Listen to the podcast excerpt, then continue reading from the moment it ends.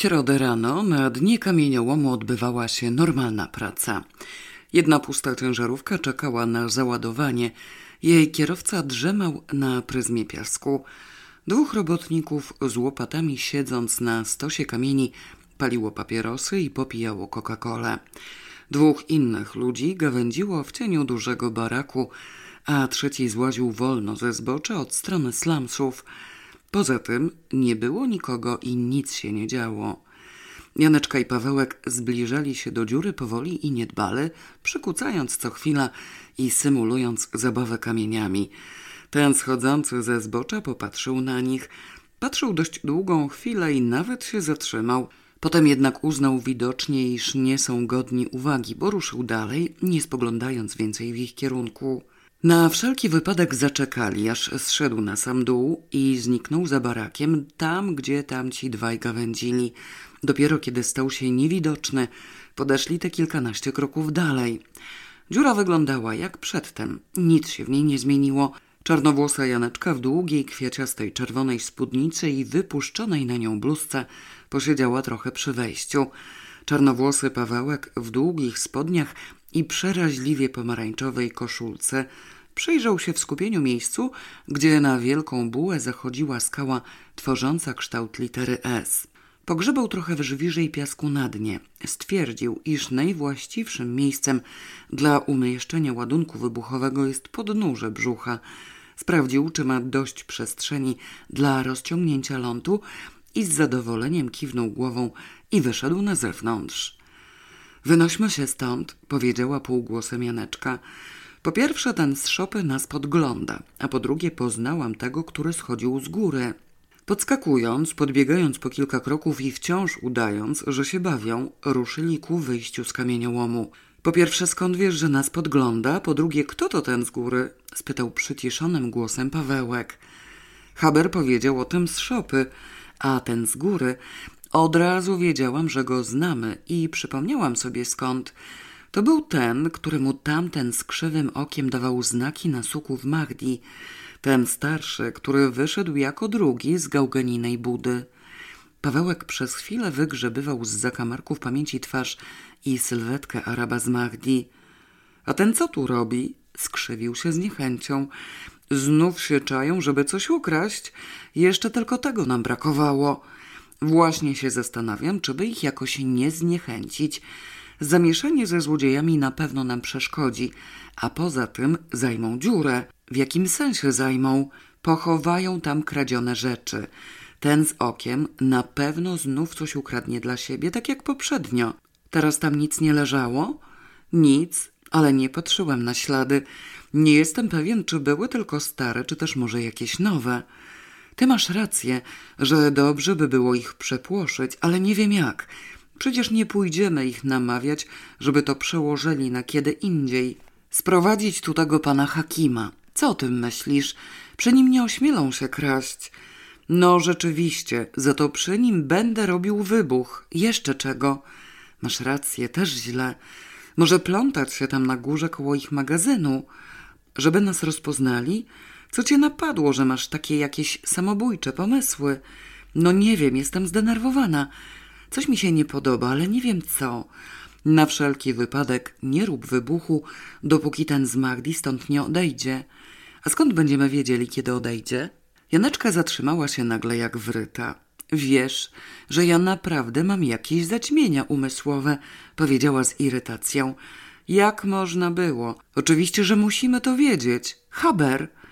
Pawełek z miejsca zawrócił. Nie symulując już żadnej zabawy, biegiem dopadli kamieniołomu. Kryjąc się za pryzmami żwiru i odłamkami skał, dotarli w pobliże szopy.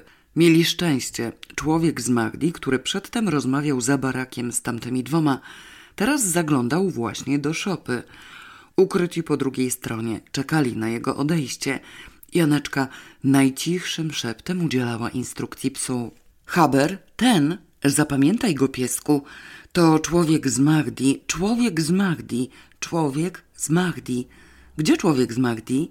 Haber, który każde słowo rozumiał doskonale, spojrzał z wyrzutem i wyciągnął pysk w stronę człowieka z Magdi. Tak, to ten, dobry piesek. Zapamiętaj go, człowiek z Magdi.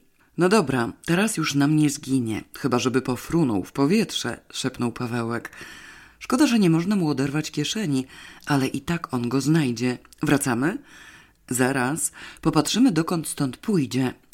Człowiek z Magdi opuścił szopę po kwadransie i odszedł tą samą drogą, jaką tu przyszedł, wtrapując się po zboczu. Janeczka jeszcze raz pokazała go psu. Warto by było od razu pójść za nim chociaż kawałek, westchnął z żalem Pawełek. Pewnie, że warto, ale nie da rady.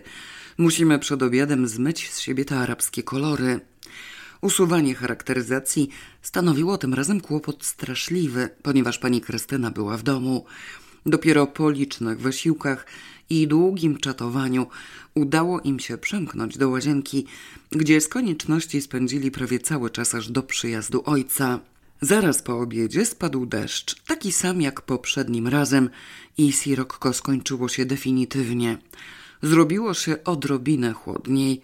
Pani Krystyna poszła z wizytą do Węgierki, a potem obie razem postanowiły wybrać się do miasta, żeby kupić kordonku do haftów. Uczerniamy się? spytał Pawełek, patrząc za wychodzącą matką. Nie mam już siły, jęknęła Janeczka. Może jeden raz, wyjątkowo, chodźmy jako my. Ostatecznie we własnej osobie pokazujemy się rzadko. To nie wiem, po co mamy lecieć taki kawał. Moglibyśmy podjechać z matką pod osiedle dostojników. Stamtąd jest o wiele bliżej. Janeczka zerwała się z miejsca. Haber, goń mamusie, niech zaczeka. Haber pomknął na ulicę i zdążył zawiadomić wsiadającą do samochodu panią Krystynę, że dzieci mają do niej jakiś interes. Dojechali do miasta. Pani Krystyna skręciła na peryferię i wysiedli u podnóża osiedla dostojników. Stąd do slumsów i kamieniołomu był już niewielki kawałek drogi. Nie musieli złazić zboczem kamieniołomu w dół, ponieważ Haber wyłowił ślad człowieka z Magdi już na górze. Poszedł tym śladem między nędzne, brudne lepianki. Nie pchali się za nim, patrzyli z daleka. Haber zaś jakby rozumiał, że nie należy się zbytnio pokazywać. Skradał się i krył z nadzwyczajną zręcznością, oglądając się na nich tylko od czasu do czasu. Głupio robimy beznadziejnie, stwierdził Pawełek z niezadowoleniem. Tam, gdzie ostatecznie możemy się pętać bez niego, byliśmy przebrani, a tu, gdzie koniecznie powinniśmy być przebrani, to nie, wszystko odwrotnie. Może to i lepiej, że nie, może by ktoś coś do nas powiedział. No i cóż takiego, odpowiem mu harła balia i dobrze ale słyszałem nowe słowo, jakieś takie ajtla, chrajtla czy coś w tym rodzaju. Mogę z nimi gadać do upojenia. Lepiej patrz, co Haber pokazuje. Ten z Magdi był w domu złodzieja z krzywym okiem. Posiedział u niego trochę, a potem poszedł tam i tam. Do trzech domów. Wszystko złodzieje? Niekoniecznie. Mógł chodzić do różnych ludzi z wizytą dla niepoznaki. No, dalej. Haber opuścił slamsy i ruszył w dół. Wygląda na to, że stąd poszedł do miasta, zauważył Pawełek biegnąc za psem. Człowiek z Magdi pokręcił się po ulicach, odwiedził kawiarnię, był w sklepie z jakimiś chemikaliami, po czym wszedł do budynku mieszkalnego. Musiał tam siedzieć dość długo i wyjść niedawno, bo Haber ożywił się wyraźnie, co oznaczało, że trafił na najnowszy świeżutki ślad. Przebiegli za nim niewielki kawałek, wplątali się w małe, stare uliczki i nagle zabawa uległa zakończeniu. Trop znikł. Haber powęszył w miejscu, pokręcił się na skraju chodnika i usiadł. Niespokojny, zdenerwowany i zawstydzony, przepraszająco spojrzał na Janeczkę. W złą godzinę wymówiłeś, że powrónie w powietrze, powiedziała zgryźliwie do brata, pocieszając psa. Odjechał stąd samochodem, zmartwił się Pawełek ale to może oznaczać, że już pojechał do Magdi, znaczy mamy go z głowy. Zapamiętajmy sobie ten dom, gdzie siedział najdłużej i możemy wracać. Dobrze by było trafić na matkę, nie musielibyśmy lecieć taki kawał. To idźmy przez miasto. One pojechały do sklepów z nićmi. Tak prędko stamtąd nie wyszły, nie ma obawy. Zresztą, Haber, teraz szukamy mamusi. Samochód panią Krystynę i Węgierkę odnaleźli w ostatniej chwili w ostatnim sklepie, już wychodzące. Razem z nimi wrócili do domu. Haber wskoczył z samochodu pierwszy. Już miał ruszyć do przejścia między ogrodzeniami, kiedy nagle zatrzymał się i skamieniał. Obrócił się w kierunku zamykającego ulicę Placeku, w kierunku toru kolejowego, sąsiedniego osiedla, szosy cmentarza i Wielkiej Góry. Warknął cichutko, spojrzał na Janeczkę, podbiegł kilka kroków i wystawił zwierzynę. Janeczka i Pawełek na moment znieruchomieli. Wyciągająca z samochodu paczki pani Krystyna na szczęście nic nie zauważyła. Obie z Węgierką zeszły z jezdni do przejścia. Spokój, Haber, powiedziała cicho Janeczka. Dobrze, już wiemy, czekaj. Róbmy cokolwiek, bo on się połapie, szepnął niespokojnie Pawełek. Gdzie on w ogóle jest? Bawmy się w coś. Leć do domu po piłkę. W chwilę potem Pawełek wybiegł znów na ulicę, podrzucając piłkę. Janeczka siedziała w kucki obok psa i udawała, że poprawia mu obroże. Człowiek z Magdi szepnęła mu do ucha. Pokaż go, ostrożnie, kryj się. Haber z miejsca poszedł wprost w stronę toru kolejowego. Prawie tuż za torem, przed następnym osiedlem, znajdował się mały parking. Stał na nim tylko jeden samochód, bo wszyscy mieszkańcy osiedla byli w pracy. Wystawiwszy ponownie zwierzynę, pies przypadł za kępą wysokich ostów. Z samochodu wyszedł jakiś człowiek, zatrzymał się, popatrzył i poszedł wprost ku nim. Rany, to on, wymamrotał Pawełek. Grajmy w tę piłkę. Przez chwilę rzucali piłkę wzajemnie do siebie, gubiąc ją ustawicznie, bo nie mieli siły nie spoglądać na tego człowieka. Przebiegli przez placek, zwolnili, zatrzymali się i przesiedli na stosie leżących tam jakichś betonowych elementów konstrukcyjnych. Janeczka zaczęła wytrzepywać piasek z sandała, Pawełek odbijał piłkę o asfalt. Człowiek z Magdi przeszedł przez tor i zbliżył się do nich. Zatrzymał się w odległości kilku kroków i stał, przyglądając się im. Usiłowali udawać, że go nie widzą, ale w końcu stało się to niemożliwe. Spojrzeli zatem wszelkimi siłami, starając się uczynić to obojętnie i z roztargnieniem. Człowiek postąpił ku nim jeszcze jeden krok. He! powiedział, czyniąc gest dookoła głowy. Czarne włosy! Powiedział to po francusku, ale wątpliwości nie mogło być najmniejszych. Janeczka i Pawełek zdrętwieli. Zrobiło im się równocześnie zimno i gorąco. Czarne włosy i niebieskie oczy, powiedział człowiek i roześmiał się. I pies? Gdzie wasz pies? Janeczka doskonale wiedziała, gdzie jest ich pies. Haber przemknął właśnie pomiędzy wysuszonymi zielskami i skrył się za stosem betonowych płyt. Pilnie uważała, żeby nie spojrzeć w tamtą stronę. Pawełek przestał klepać piłkę i trwał w bezruchu. Coście robili tam? Spytał człowiek jakoś pobłażliwie i jakby trochę drwiąco. Czego chcecie? Ja wiem wszystko. Rozumieli go tak, jakby mówił po polsku. Gapili się na niego bez słowa. Człowiek zmarszczył lekko brwi. Zaglądać tu, zaglądać tam. Co chcecie zobaczyć? Co chcecie znaleźć? Mówię wam, ja wiem wszystko, a wy nie będziecie wiedzieć nic. A hała, powiedział nagle Pawełek zuchwale i przeszedł na język francuski. My wiemy więcej. Co? Zdziwił się człowiek, jakby trochę zaskoczony. Zgłupiałeś, powiedziała ze zgrozą Janeczka. W Pawełka wstąpił nagle duch szaleństwa. Co tam? My wiemy więcej. Pan nie wie, że jeden złodziej kradnie dla siebie samego i potem kupić, sprzedać dla siebie. Zaraz, ty, jak to będzie oddzielnie? Separamont, wyszeptała Janeczka. O właśnie, on kradnie oddzielnie. My to wiemy, a pan nie wie. Pan nic nie wie. Człowiek z Magdi stał jak skamieniały i z zmarszczonymi brwiami przyglądał się Pawełkowi. Jaki złodziej? spytał po chwili. Z jajkiem, odparł Pawełek. O rany nie, z oczami. Rezygnując z obcego języka, ściągnął lekko w dół kącik prawego oka i wciągnął policzki, pokazując chudą twarz. Człowiek z Magdi poruszył się gwałtownie. He! krzyknął groźnie. Pawełek patrzył na niego wyzywająco i z determinacją. Janeczka zdecydowała się wtrącić. Tak, proszę pana, rzekła grzecznie. To prawda, on dobrze mówi. Człowiek z Magdi przyglądał im się jeszcze przez długą chwilę z wyraźnym namysłem. Twarz mu nagle złagodniała. Dziękuję, moje dzieci. Powiedział dobrotliwie i łagodnie. Rzeczywiście wiecie więcej, ale będzie lepiej dla was zostać tu, w domu. Nie szperajcie już nigdzie. Do widzenia. Odwrócił się i odszedł. W kamiennym milczeniu patrzyli, jak przeszedł przez tor i wsiadł do samochodu. Samochód ruszył i znikł pomiędzy domkami w uliczce osiedla.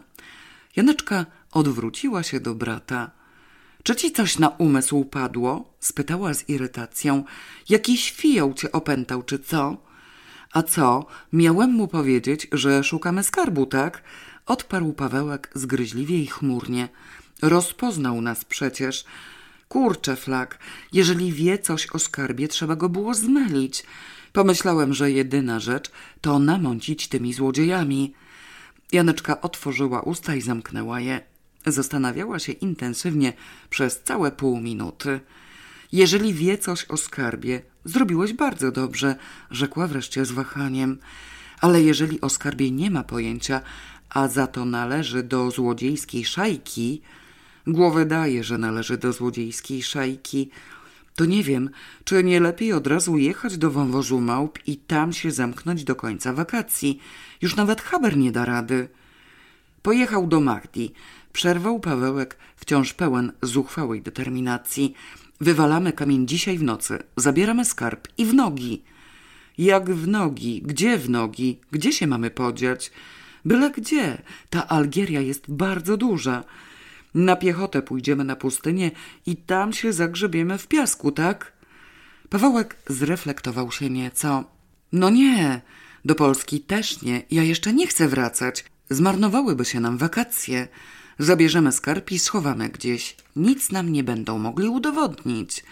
W takim razie musimy jeszcze raz umyć głowę, rzekła zimno Janeczka po chwili milczenia. Żeby nie było śladu tego czarnego i będziemy się wypierać. Nie było tam nas, tylko jakieś arabskie dzieci. Dobra, ale w końcu możliwe jest, że oni o skarbie nie wiedzą. Zrobisz ten wybuch szeptem? Co? Pytam, czy ten wybuch tak się odbędzie, że nic nie będzie słychać, bo inaczej przyleci tam całe miasto i każda ślepa niedojda zobaczy, że coś tam było. Ale nie będą wiedzieli, co było, jeżeli zdążymy to zabrać. A jeżeli nie zdążymy? Pawełek przez chwilę w milczeniu pocierał brodą piłkę. No trudno, ryzyk fizyk. Co tam, niech im nawet coś zostanie. Taki potwornie chciwy to ja nie jestem. Grunt, żeby zatrzeć wszystkie ślady, żeby nie było dowodu, że to my. A potem już będziemy rozsądni do obrzydliwości i nic nam nie zrobią. Janeczka nie była pewna, czy nic im nie zrobią. Przeciwnie, uważała, że postarają się zrobić im możliwie dużo. Rezygnacja z poszukiwań skarbu nie wchodziła jednakże w rachubę. W końcu po to tu przecież przyjechali. Pawełek miał rację. Najrozumniej byłoby załatwić sprawę od razu. Dobrze, powiedziała stanowczo i podniosła się z betonu. Bierz się od razu za ten ląd, bo do wieczora musi wyschnąć. Odwalamy sprawę dzisiaj w nocy i nie ma gadania. Świecące na niebie, trochę zamazane pół księżyca oświetlało ziemię całkiem znośnie. Było późno, dochodziło w pół do trzeciej w nocy. Haber penetrował teren. Janeczka i Pawełek przytuleni do skały czekali na jego informacje. Nie zdołali dotrzeć tu wcześniej, bo do rodziców przyszli goście i siedzieli do północy. Potem pani Krystyna jeszcze zmywała i porządkowała i dopiero blisko w pół do drugiej zyskali pewność, że matka i ojciec wreszcie śpią. Wymknęli się przez furtkę, zamykając ją za sobą i zabierając klucz. Janeczka trochę się wahała, czy tak będzie dobrze, ale Pawełek był zdecydowany. Tylko by tego brakowało, żeby nas przy tej okazji okradli. Jak zostawimy otwarte, okradną mur beton. Wolę już wszystko inne. Haber wrócił i poinformował, że nikogo nie ma. Widocznie mieszkający w szopie cieć był mało obowiązkowy i lekceważył bezpieczeństwo pilnowanej placówki. Śmielej ruszyli zatem w kierunku dziury. Lampę na wszelki wypadek wzięli ze sobą, ale w dziurze Pawełek wolał świecić latarką elektryczną. Duża, szczelnie wypchana plastikowa torebka napełniała go lekkim niepokojem. Wypełniające ją ingrediencje zostały bowiem zracjonalizowane i uzupełnione pewnymi dodatkami. Niesiony cały czas w wyciągniętej ku górze ręce ląd dotarł na miejsce w doskonałym stanie. Weszli do dziury obydwoje. Haber pilnował na zewnątrz. Janeczka świeciła. Pawełek przystąpił do montowania urządzenia wybuchowego. Wypchaną plastikową torebkę zawiązał ściśle i porządnie. Reszta plastiku tworzyła dookoła związanego miejsca szeroką pofałdowaną kryzę, do której wetknął koniec lądu, jeszcze raz mocno zawiązując. Wygrzebawszy spod wypukłego brzucha trochę żwiru, dogrzebał się do litej skały i dał spokój. Ulokował torebkę dokładnie w miejscu zetknięcia się brzucha z nachodzącą nań skałą, u samego podnóża litery S. Metr lądu wyprostował w głąb dziury, po czym w skupieniu obejrzał swoje dzieło. No, to by było to, rzekł dumnie. Jak tu gruchnie, to nie ma siły, ten kamień musi się odwalić. Poczekaj w wejściu, a jak zapalę, od razu leć, żebym nie wpadł na ciebie, jak też będę wylatywał. Janeczka cofnęła się ku wyjściu z dziury, tuląc do piersi torbę z lampą. Pawełek zapalił zapałkę i przytknął ją do końca lądu. Ogień chwycił od razu. Wesoły płomyk ruszył po bawełniano-akrylowym sznurku, cichutko potrzaskując. Nie zwlekając ani sekundy, Pawełek skoczył do wyjścia. Janeczki już tam nie było. Biegła w stronę wyjazdu z kamieniołomu, szeptem wzywając psa. Pawełek spojrzał przez ramię, dostrzegł podskakujący płomek i pognał za siostrą. Upatrzone bezpieczne miejsce znajdowało się jakieś trzydzieści metrów dalej, za wystającym odłamem rzetelnej skały. Dopadli go w mgnieniu oka. Pawełek wyrwał siostrze latarkę i oświetlił zegarek. Przykucnęli. Janeczka przytuliła do siebie Habra. Jedenaście, szepnął Pawełek. Ileśmy tu lecieli? Pięć sekund niech będzie. To już osiemnaście, dwadzieścia. Razem wpatrywali się w oświetlony elektryczną latarką sekundnik. Wskazówka lazła jak za pogrzebem. Trzydzieści pięć. Mamrotał niebotycznie przejęty Pawełek. Do domu byśmy zdążyli dolecieć. Trzeba było zrobić krótszy ląd. Czterdzieści. Kiedy minęła minuta i dziesięć sekund, emocja osiągnęła szczyty. Pawełek wsparł na kolanach obie ręce i te z zegarkiem, i te z latarką, żeby mu się nie trzęsły. Napięty, sprężony, zesztywniały Haber próbował wyzwolić się z trzymających go objęć. Janeczka przycisnęła go do siebie jeszcze mocniej. Minuta piętnaście, minuta szesnaście, liczył Pawełek zduszonym szeptem. Siedemnaście, osiemnaście, dziewiętnaście.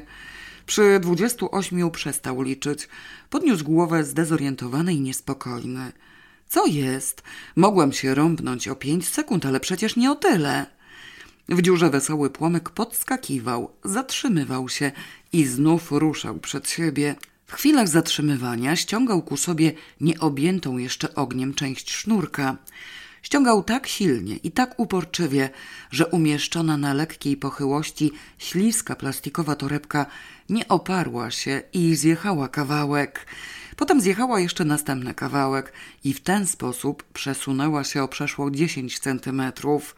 Leżała teraz nie pod wypukłym brzuchem, ani jako na otwartej przestrzeni. Wesoły płomyk dotarł wreszcie do roztapierzonej kryzy z plastiku. W mgnieniu oka plastik zaskwierczał, zwęglił się i utworzył twardą, nieprzenikliwą gulę. Pawełek nie przebierał w torebkach, wziął pierwszą z brzegu. Trafił akurat na taką, która nie buchała płomieniem, tylko zwęglała się kurcząc. Płomyk, natknąwszy się na zwęgloną gulę, nie miał żadnych szans. Nie zdołał przebić się do wnętrza rzetelnie zaciśniętej torebki, a guli żadna siła na świecie nie potrafiłaby zapalić. Stłamszony kompletnie, najzwyczajniej zgasł. W bezpiecznym miejscu pod skałą, oszołomiony, zdumiony i oburzony Pawełek przysiadł na piętach.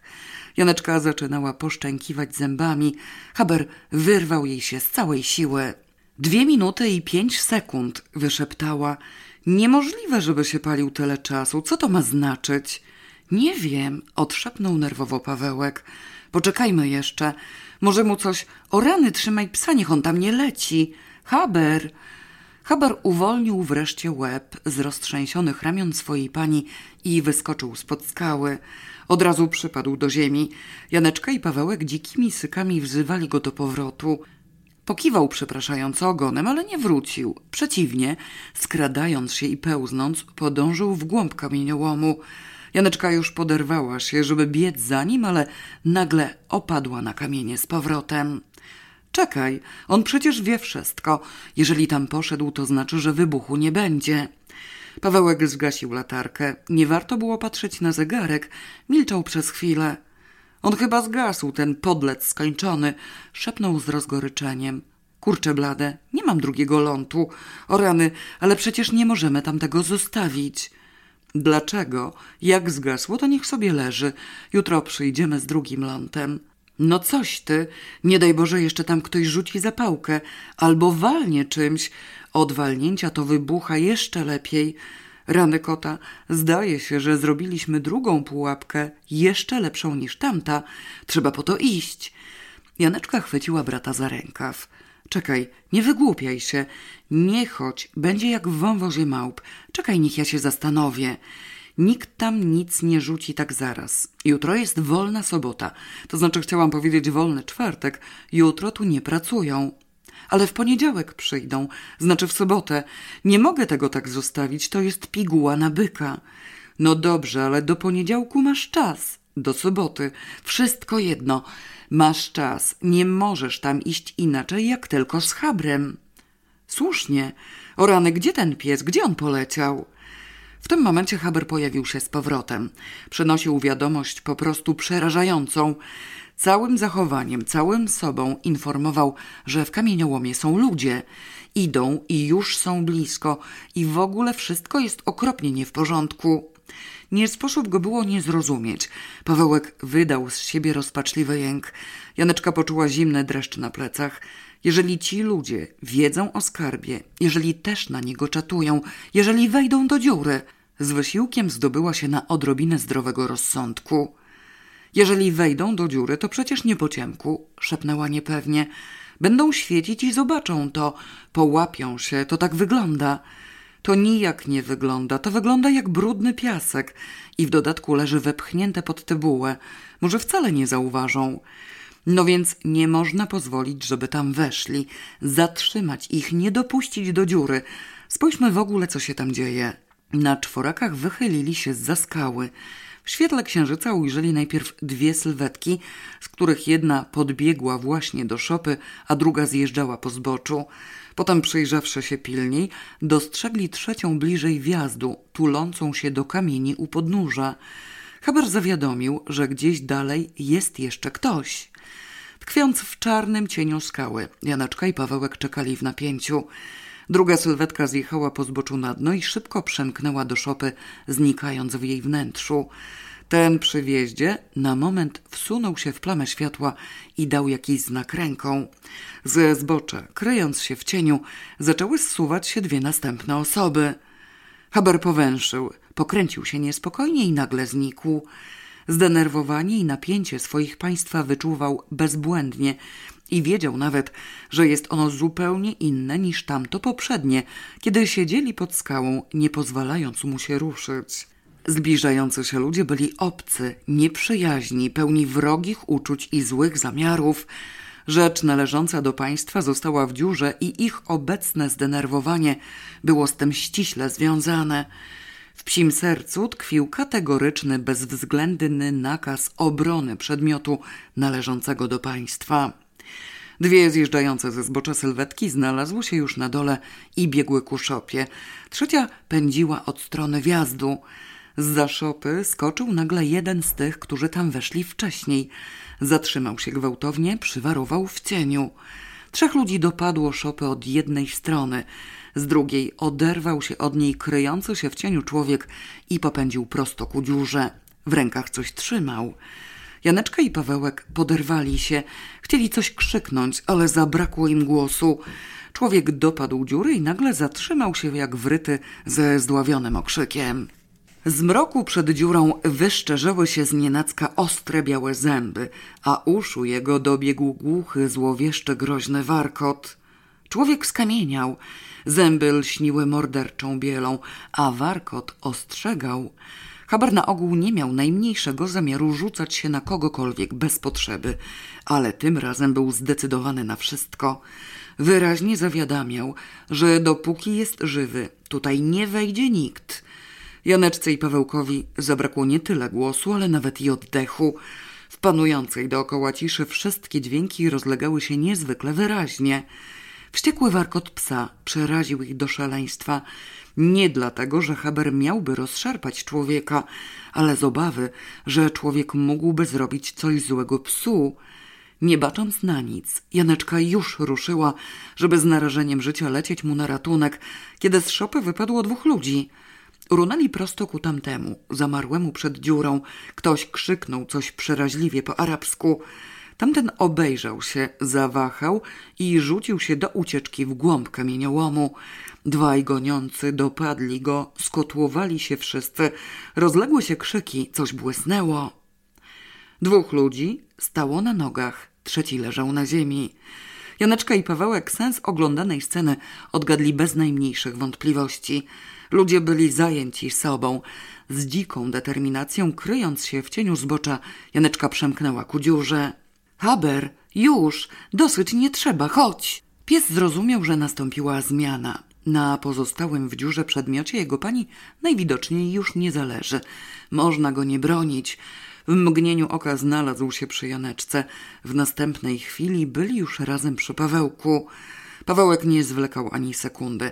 Bez słowa runęli przed siebie, od razu skręcając w bok za podnoszącą się krawędź kamieniołomu. Zatrzymali się dopiero na szosie. Ciężko dysząc, przesiedli w rowie. Haber nawet nie był zziajany. Obiegał ich dookoła, czujnie trzymając straż.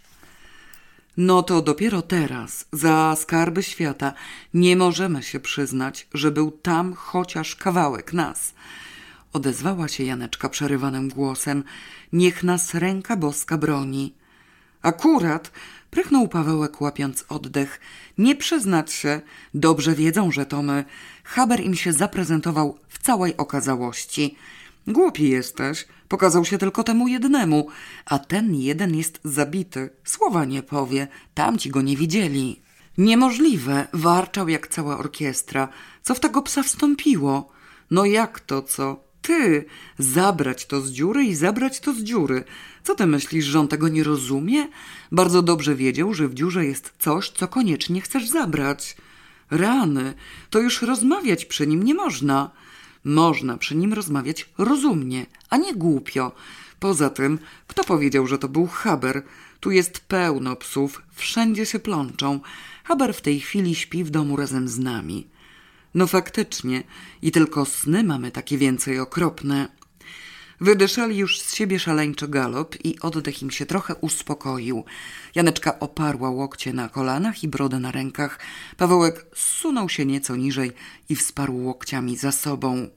Haber ułożył się przy nich na poboczu szosy. Nie możemy wrócić do domu, dopóki się nad tym wszystkim nie zastanowimy, rzekła Janeczka w zadumie po długiej chwili. Nie wiadomo, co może być od rana. W każdym razie zastanawiajmy się prędzej, bo ojciec wyjdzie i zobaczy, że jest zamknięty, mruknął Pawełek. Nie wiem, czy przylezie przez ogrodzenie. Coś ty głupi, śladu nie może być, że nas nie było. Słuchaj, jeżeli ktoś jest zabity, to to jest ten z okiem. Pawełek wyprostował się gwałtownie. Jeżeli zabili tego z okiem, to nie ma siły. Nikt inny mu się nie przysłużył, tylko my. Od razu się zacznij do tego przyzwyczajać. Jestem pewna, że to właśnie tak było. Człowiek z Mahdi przyjechał jeszcze raz. Pawełek jęknął cicho i przybrał taką samą pozycję jak Janeczka. Kurza twarz, ale się znalazł, szybki Bill. Człowiek z Mahdi chwalić się tym nie będzie, nie ma obawy, ale jeżeli nie uważa nas za niedorozwinięte głąby, doskonale wie, że my wiemy, że to on. To jak myślisz, co będzie? Prosta sprawa, łby nam poukręca, zanim się zdążymy obejrzeć. Ale może nie wiedzieć, że myśmy to widzieli i w ogóle może myśleć, że nic o tym nie wiemy. Nie wiemy, jak się nazywał ten z okiem i nie wiemy, jak się nazywa człowiek z Magdi. Możemy go nie rozpoznać. To jest niezła myśl, ale czy on będzie wiedział, że go nie możemy rozpoznać? Jeżeli ma rozum w głowie, powinien gdzieś zniknąć i w ogóle się nie pokazywać, ale nie jestem pewna, czy możemy na to liczyć. Jedyna pociecha, że Haber nas zawsze ostrzeże i zdążymy przed nim uciec. Nie przyjdzie nas chyba zażynać do naszego własnego domu. Nie, powinien nas zamordować jakoś tak, żeby to wyglądało na przypadek. Z tym sobie damy radę. Ale czekaj, bo to nie koniec. Ja mam teraz wyrzutę sumienia. Bo co? No jak to? W końcu ten z okiem nic mi nie zawinił, ale przeze mnie go zabili. Przeze mnie też. Ja cię poparłam. Ale przecież nie wiedzieliśmy, że człowiek z Magdi od razu poleci do niego z nożem. Wiedziałeś? Bo ja nie. Nawet mi to do głowy nie przyszło. No coś ty. Przecież gdybym wiedział, nie powiedziałbym jednego słowa. No więc właśnie. Mamy go na sumieniu, owszem, ale nie zasługujemy na to, żeby nas też pozabijać. Najwyżej powinniśmy teraz zadbać o jego żonę i dzieci. Nie wiem, czy on miał żonę i dzieci. Albo staruszkę matkę. Nie wiem, jak zadbać. Uważam, że w razie gdybyśmy jednak znaleźli ten skarb, to znaczy, gdybyśmy się wreszcie do niego dostali, trzeba im oddać połowę. Tej żonie i dzieciom albo staruszce matce. Co ty na to? Pawełek znów jęknął boleśnie. Tym się zgadzam. Mogę im oddać prawie cały, nie ma sprawy. Ale nie wiem, czy nie będę miał jeszcze większych wyrzutów sumienia, jak tam ktoś na tej pigule wyleci w powietrze. Rany, co za potworne komplikacje. Co do piguły, ja się już zastanowiłam. Trudno, pójdziemy tam jutro w nocy. Dzisiaj już nie zdążymy. Haber powie, czy można i albo przyczepisz drugi ląd, albo się stamtąd zabierze. Przez dzisiejszy dzień nikogo tam nie będzie, bo jest wolna sobota. Wolny czwartek. Nikogo nie będzie akurat. Trup leży i nikogo nie będzie. Nie, czekaj, ja się zastanowiłam. Albo tego trupa wyniosą gdzie indziej, żeby nie rzucać podejrzeń na kamieniołom, albo go zostawią. Jak go zostawią, to co? Myślisz, że sami polecą na policję zawiadomić o zbrodni? Musieliby być nienormalni. Więc on sobie tak poleży spokojnie aż do poniedziałku, to znaczy do soboty. A możliwe, czekaj, bo przecież to jest kamieniołom. Nic w ogóle nie zrobią, tylko go przysypią żwirem i tyle. I odkryje go ktoś tam za rok, jak to już będzie szkielet. Przy tym tempie pracy mogą go odkryć dopiero za 10 lat. Wiesz, że ty masz rację. Owszem, jest szansa. Dobra, idziemy następnej nocy. Może mi chociaż ta reszta wyrzutów sumienia odpadnie. No to teraz wreszcie możemy wrócić do domu, stwierdziła Janeczka z ulgą i wyprostowała się. Tylko musimy iść okrężną drogą, szosą aż do tego drzewa, gdzie robiliśmy próby. Przez osiedle nie możemy, bo tego osiedla pilnuje cieci, mógłby nas zobaczyć. Przychodzi mi do głowy, że ten pies znów okazał się mądrzejszy od nas, rzekł melancholijnie Pawełek, ustawiając krzesła przy stole, na którym Janeczka rozkładała nakrycia do śniadania. Przecież to on nie dopuścił ludzi do dziury. Jednemu już to nie zrobiło wielkiej różnicy, zauważyła Janeczka. Jednemu. A masz pojęcie, co by było, gdyby tam wszyscy wpadli? Przy takiej kotłowaninie wyleciałoby w powietrze trzech. Dziękuję bardzo. Dla mojego szumienia jeden to całkiem dosyć. Śniadanie było dość późno, bo wszyscy zaspali. Pan Roman i pani Krystyna rozważali sprawę jakiejś krótkiej wycieczki i oglądali przy jedzeniu mapę samochodową Algierii. Siedzieli jeszcze wszyscy przy stole, kiedy ktoś załomotał do furtki i wszedł pan Krzak. Okradli Andrzeja, zawiadomił od progu. Obaj z Rogalińskim mamy ciężkie zmartwienie i nie wiemy, co robić. Rąbnęli mu same kosztowne rzeczy. Janeczka i Pawełek wzdrygnęli się lekko, a państwo Chabrowiczowie porzucili mapę. To chyba Andrzej ma ciężkie zmartwienie, a nie wy z Rogalińskim, powiedział pan Roman. Napijesz się kawy? spytała równocześnie pani Krystyna. Właśnie zaparzyłam świeżą. Owszem, chętnie dziękuję. Właśnie, że my, bo Andrzej wczoraj zaraz po obiedzie pojechał do Algieru i zostawił dom na naszej opiece. Zajrzeliśmy tam wieczorem po powrocie od was i okazało się, że już z głowy wyłamali okiennice, stłukli szybę i cześć pieśni. I co mu ukradli? Według naszego rozeznania radiomagnetofon, wiertarkę, termowentylator, ekspres do kawy, buty, kurtkę, czajnik I nie wiem co jeszcze. Maszynkę do golenia chyba zabrał ze sobą. Mamy obawy, że teraz powinniśmy mu to wszystko zwrócić. Operowali swobodnie w godzinach pracy. Nikogo nie było, bo Zwijkowa z Ostrowską latały gdzieś po mieście. Boże drogi, wykrzyknęła zmartwiona pani Krystyna. Wiecie, to już zaczyna być nie do zniesienia. Zirytował się pan Habrowicz. Dosyć tego terroru. Nie możemy się poddawać jak stado owiec. Zaraz, a czy Andrzej miał te rzeczy pozaznaczane? A jak?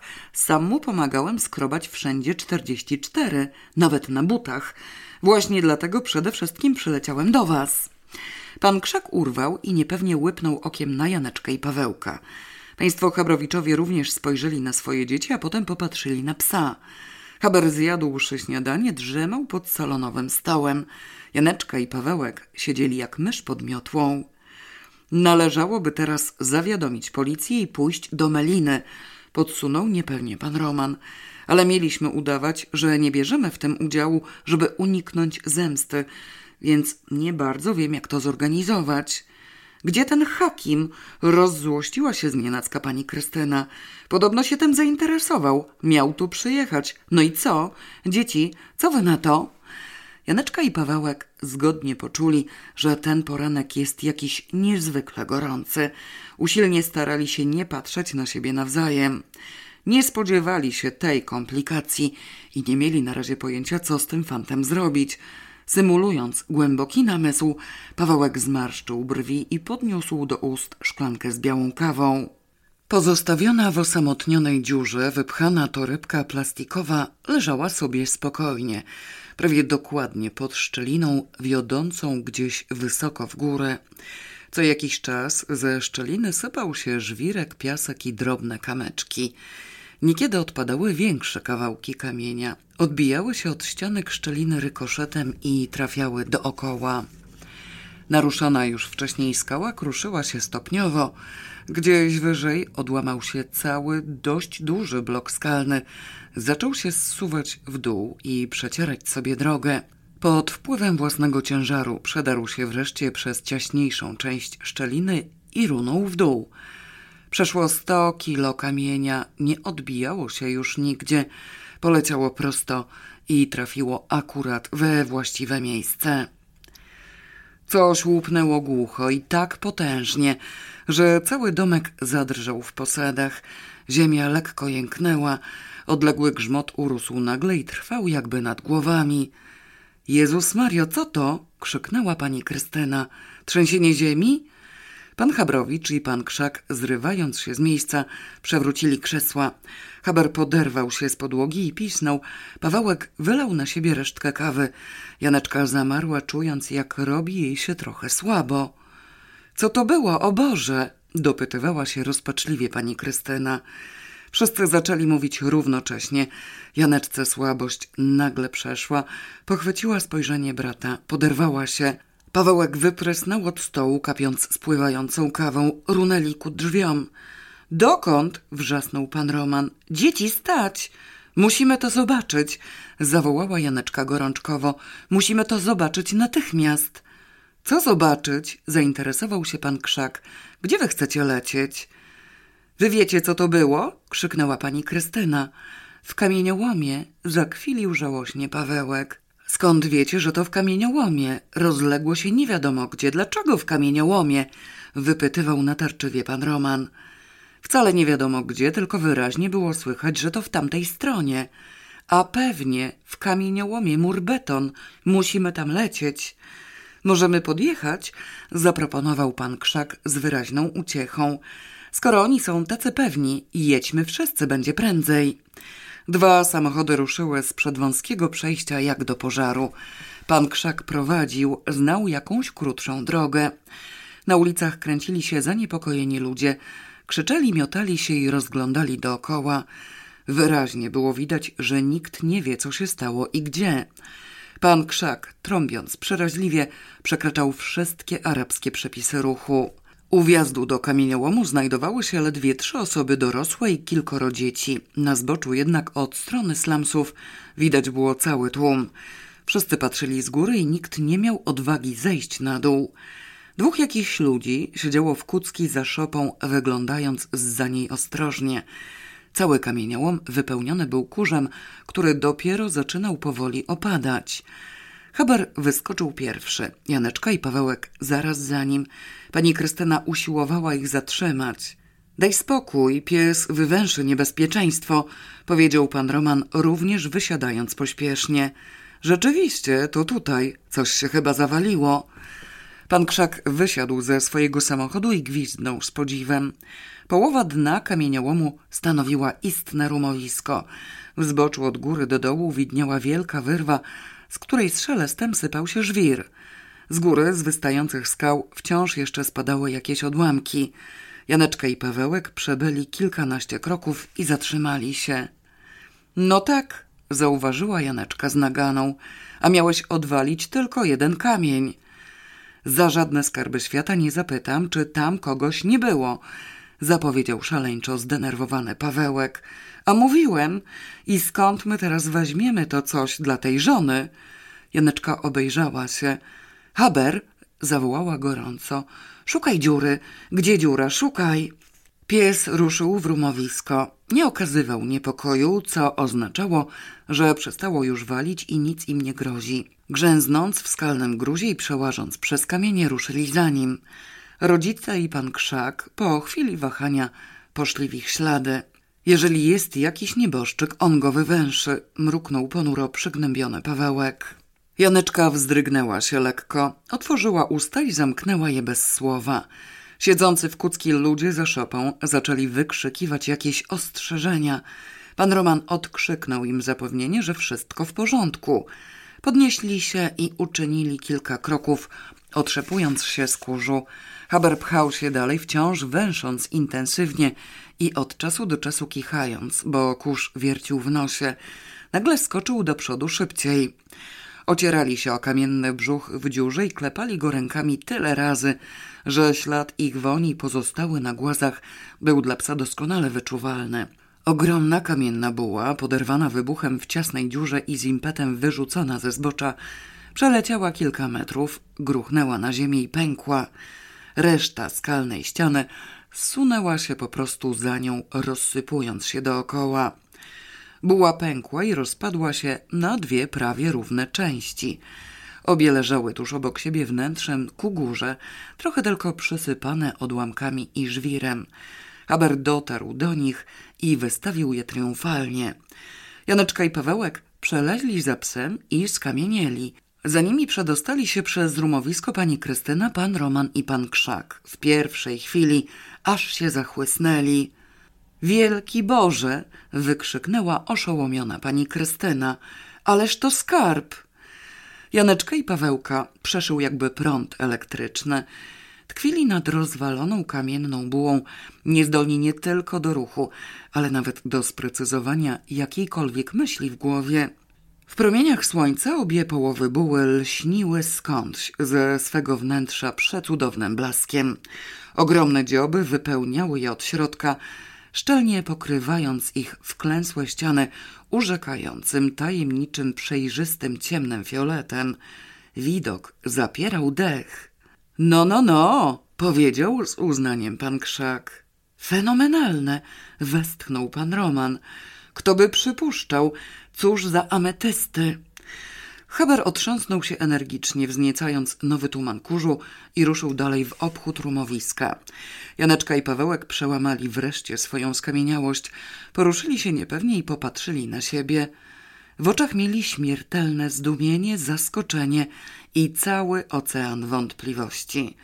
Pani Krystyna postąpiła dwa kroki i pochyliła się nad bułą, nie mogąc od niej wzroku oderwać. Dwaj Arabowie spod szopy, przyglądając się im ciekawie, ruszyli w ich stronę. Ze zbocza zaczęły się zsuwać co śmielsze osoby. Pan Krzak pochylił się również i podniósł dwa odłamane fioletowe dzioby leżące obok. Podał je Janeczce. To jest chyba własność waszego psa, rzekł wyraźnie rozweselony.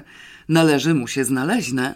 Janeczka odruchowo przyjęła dzioby, nic nie mówiąc. Pawełek oderwał oczy od lśniących fioletów i z niepokojem poszukał wzrokiem węszącego w rumowisku hebra.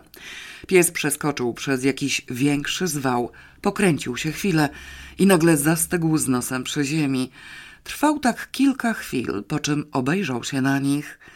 Pod Pawełkiem ugięło się nogi. Mimo przez wyrwę zmienionej pozycji konfiguracji zbocza, bez najmniejszych wątpliwości wiedział, że to jest akurat to miejsce, gdzie wczorajszej nocy padł trup. Możliwe, iż nadal leży i Haber właśnie o tym informuje. Przez głowę przemknęła mu rozpaczliwa myśl, żeby może korzystając z okazji narzucić tam więcej czegoś, zepchnąć jakieś kamienie albo co. Od strony wjazdu do kamieniołomu dobiegł warkot i dźwięk klaksonów. Ludzie na zboczu zaczęli zsuwać się szybciej i już całym tłumem. Pan Krzak obejrzał się, przykucnął, pozbierał rozsypane wokół buły większe i mniejsze kawałki ametystów i porozdawał wszystkim, część zachowując dla siebie. Kto pierwszy, ten lepszy, powiedział stanowczo. Bierzcie, bo za chwilę zwali się tu cała szarańcza i nawet śladu z tego nie zostanie. Rozniosą wszystko w pył. Ja ich znam. Ach nie! krzyknęła gwałtownie pani Krystyna. To trzeba zachować. Przecież nawet w Brazylii rzadko się trafia coś takiego. Roman! Staszek, skocz na policję, poprosił pan Roman. Ona ma rację. Nie można dopuścić do zniszczenia. Potłuką wszystko. Policja już jest, odparł pan Krzak i wskazał za siebie, a razem z nimi całe miasto. Ale będą mieli ubaw. Państwo Chabrowiczowie obejrzeli się. Przy wjeździe zatrzymywało się coraz więcej samochodów. Przez rumowisko przedzierała się cała gromada ludzi, a za nimi nadbiegali następni. Zaniepokoili się i natychmiast ich niepokój przeistoczył się najpierw w zdumienie, a potem w wielką ulgę. Na czele przełażących rozpoznali bowiem pana Hakima. Ze względu na obiad pani Krystyna poświęciła się i odjechała wcześniej, pozostawiając swego męża i dzieci w najbardziej atrakcyjnym miejscu na kuli ziemskiej. Pan Krzak został również i mieli wrócić z nim razem. W kamieniołomie rozgrywały się sceny godne niemal końca świata. Cała policja wilajatów, wszystkie władze i wszyscy mieszkańcy Tiaretu i okolic kłębili się tam wśród straszliwego zamętu. Drogę gruntownie zatarasowały niezliczone samochody. Wieść o odkryciu w kamieniołomie bajecznych skarbów rozeszła się dookoła w mgnieniu oka, przy czym ilość i rodzaj skarbów rosły. Im dalej, tym bardziej. W rejonie Magdi osiągały już rozmiary niewyobrażalne. Znalazłszy sobie bezpieczne miejsce na zboczu, Janeczka i Pawełek przyglądali się temu szaleństwu – Ojciec z panem Krzakiem pozostali na dole, starając się pomóc policji powstrzymującej napór tłumu i próbującej rozpędzić zbiegowiska. Niektórzy ludzie zdążyli już poprzynosić z domów siekiery, drągi i młoty i usiłowali rozbijać wszystkie większe bryły kamienne. Inni rozkopywali zbocza kamieniołomu. W jednym miejscu zleciał wielki podkopany blok skalny, który tylko cudem nikogo nie przygniótł. Razem pomieszały się burnusy, turbany, europejskie ubrania i nawet gdzieniegdzie białe hajki kobiet. Nieprawdopodobne tłumy dzieci zwiększały zamieszanie. No i proszę, zobaczyli co tu było, mruknął kąśliwie Pawełek. Sodoma i Gomora. Nie jestem pewien, czy to jest właśnie to, o co nam chodziło. Siedząca w ulubionej pozie, z łokciami na kolanach i brodą wspartą na dłoniach, Janeczka ocknęła się z głębokiej zadumy. Ja w ogóle nie jestem pewna niczego, oznajmiła. Bardzo dobrze wiem, co to jest i powinnam była zgadnąć od razu. Ale w tej całej Algierii człowiek jakoś całkiem głupieje. Co wiesz, co to jest? Ta buła, co pękła. Ten bałwan z ametystami. Ja nawet pamiętam, jak to się nazywa. W ogóle druza, takie kuliste, geoda tym są kryształy minerałów. A owszem, przyznał Pawełek z jadowitym sarkazmem, to nawet widać gołym okiem. I co z tego? Dlaczego niby miałaś zgadnąć od razu? Bo ja o tym czytałam. Największe takie geody spotyka się w Brazylii. To się wytwarza w pustkach skalnych, a do tego jeszcze ten cały atlas. To są góry okropnie urozmaicone i tu może być wszystko. Widziałam takie coś na fotografii i dziwię się, że nic mi nie przyszło do głowy. A gdyby ci przyszło, to co? Nic, nie wiem. To znaczy wiem, tym bardziej bym uważała, że należy to rozwalić, tylko jakoś delikatniej. Ja to zrobiłem delikatnie, rzekł Pawełek z urazą. Nie wiem, dlaczego aż tyle się porujnowało. Widocznie ta skała już w ogóle była wybrakowana. Możliwe, ale czekaj, bo mnie nie o to chodzi. A o co? O skarby. Mało ci jeszcze skarby jak stąd do Ameryki. Ale coś ty puknij się. Naprawdę wierzysz, że na lampie była wydrapiana wiadomość o minerałach w skale? Że ta jedna osoba drugiej osobie kazała rozwalić górę, żeby w niej znaleźć ametysty? Kto mógł wiedzieć, że tu gdzieś w środku skały siedzi coś takiego? Pawełek, stropiony nieco, zastanawiał się przez chwilę. Ja o tym akurat nie czytałem, zastrzegł się ostrożnie. A co takich rzeczy się nie wie? No pewnie, że nie. Wiadomo, że gdzieś tam to bywa. I tu więcej, tu mniej, a gdzie indziej wcale, a tu akurat wcale. Kota masz czy co? Przecież leżały. Znaczy nie wiem, czy jeszcze leży, bo może już rozdrapali, ale że właśnie jest, widzieliśmy na własne oczy. Jest przez przypadek. I głowę daje, że drugiej buły z czymś takim nie znajdą, choćby tu wszystko nawet przesiali przez sito. No może wyjątkowo jakaś jeszcze jedna gdzieś tu będzie, ale to też przez zwyczajny przypadek. Nikt nie może wiedzieć, że jest, dopóki jej się nie znajdzie, a nawet jeśli znajdzie, to też nie wiadomo, co to ma w środku. A co może być w środku? Nie pamiętam, ale różne rzeczy. Kwarc, albo może być w ogóle byle co. Niemożliwe, żeby ktoś wiedział na pewno, że są to skarby.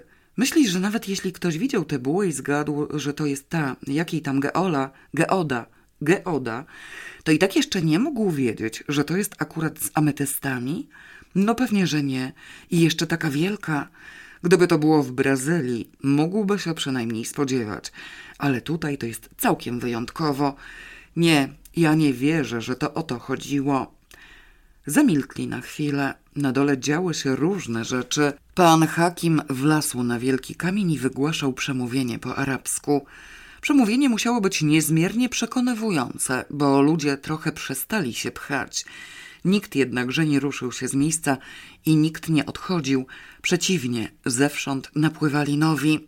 Obserwująca tłumianeczka drgnęła gwałtownie.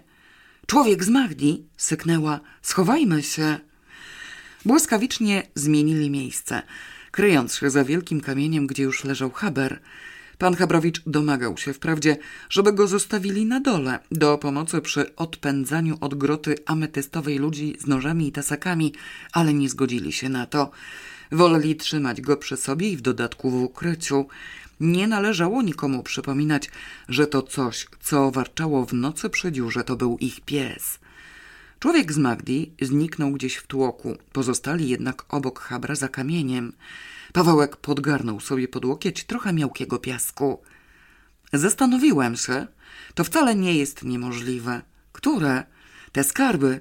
Rozumiesz, mogło być tak, że ta osoba napisała, że możliwe, że tu są skarby i że należy sprawdzić w kamieniołomie, w różnych kamieniołomach. Napisała o kamieniołomie po drodze do Sugór i o naszym. Możliwe, że takie buły są i w wąwozie małp, tylko myśmy ich nie widzieli, bo prawdę mówiąc, w wąwozie małp oglądaliśmy w kółko jedno miejsce. Sama mówiłaś, że w tym atlasie może być wszystko, więc możliwe, że już raz się coś wykryło.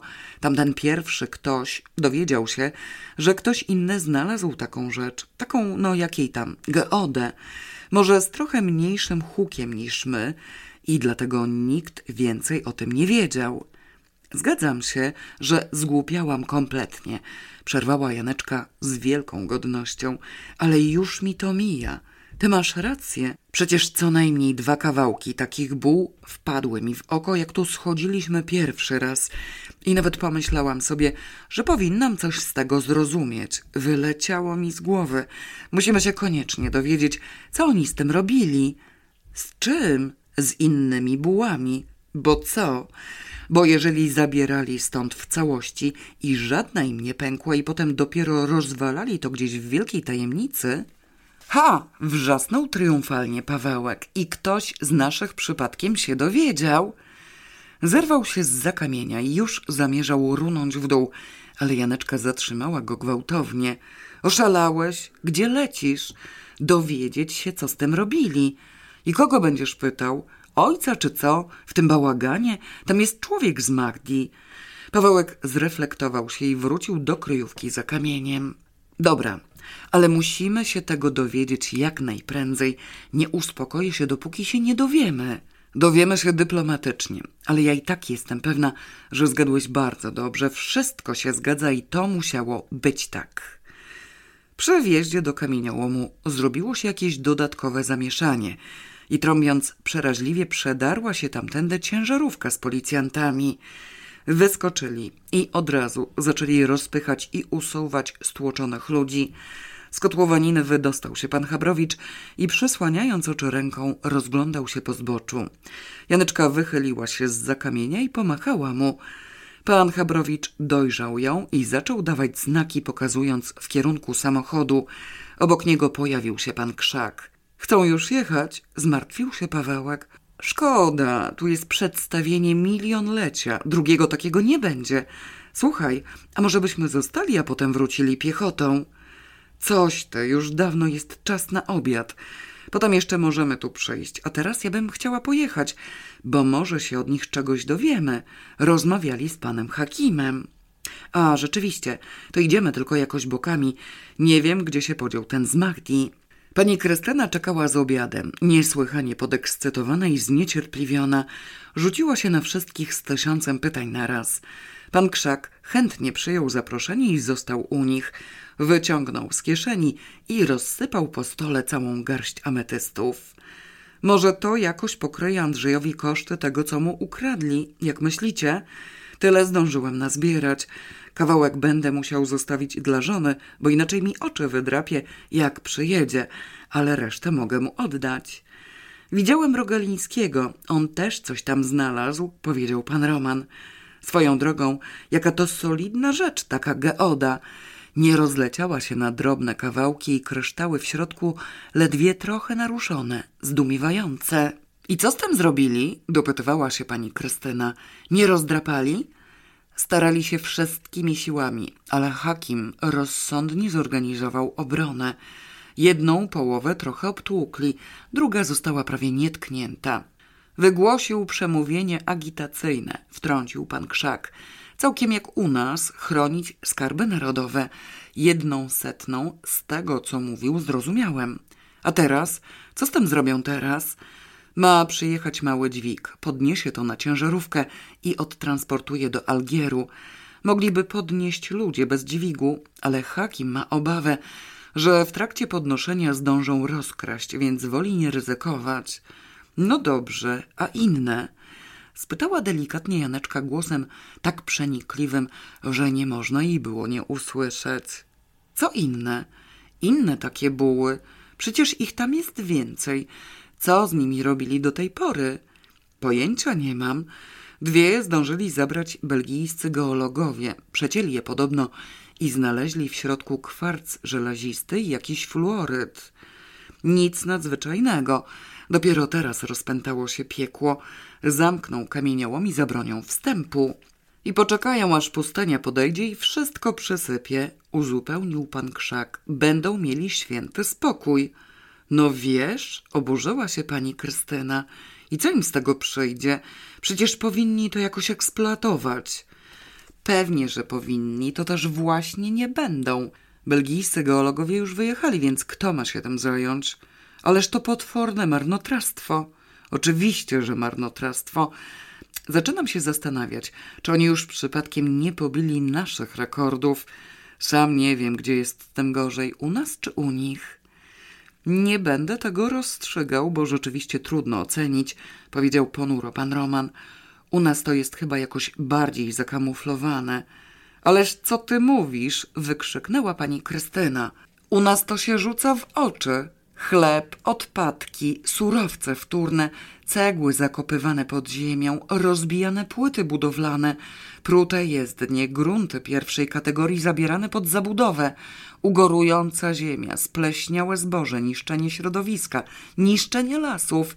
Przestań, to się może prześnić. Ale to fakt, potwierdził pan Krzak. My po prostu mamy szerszy zakres działania i marnujemy wszystko z większym wysiłkiem. Chyba jednak jeszcze ciągle idziemy w czołówce. E tam, odezwał się znienacka Pawełek. Jak oni teraz zamkną i zmarnują tę swoją kopalnię skarbów, to wyjdą na prowadzenie. I tak jeszcze dobrze, że nikogo tam nie przysypało, powiedział pan Roman. Chcesz jeszcze sałatki? Nie, dziękuję. Wolę pomidory i paprykę. Nienawidzę rzepy. O, przepraszam, nie chciałem być niegrzeczny. Nie szkodzi, rzekła wielkodusznie pani Krystyna i dodała żywo. No właśnie, miałam was o to zapytać, jakim cudem nikt nie został poszkodowany? Akurat nikogo nie było, z wyjątkiem ciecia, który mieszka w tej małej szopie. Siedział w środku, a wybuch nastąpił we wnętrzu góry. A co wybuchło? Nie wiadomo. Może tam się jakieś gazy gromadziły albo co? Bóg raczy wiedzieć. Nawet nie wiadomo, w jakim dokładnie miejscu to nastąpiło, bo się zawalił wielki kawał zbocza. Ten twój przyjaciel, ten Hakim, ma, zdaje się, jakieś podejrzenia, powiedział pan Krzak. Ja go znam z widzenia. Spotykałem go w Algierze. On tu węszy aferę. Ciekawe jaką? Zainteresowała się pani Krystyna. Ktoś idzie, powiedział pan Roman i odsunął krzesło od stołu. O, właśnie, Hakim, prosimy. Janeczka i Pawełek usiłowali ulokować się w kącie salonu jakoś tak, żeby nie zwracać na siebie uwagi.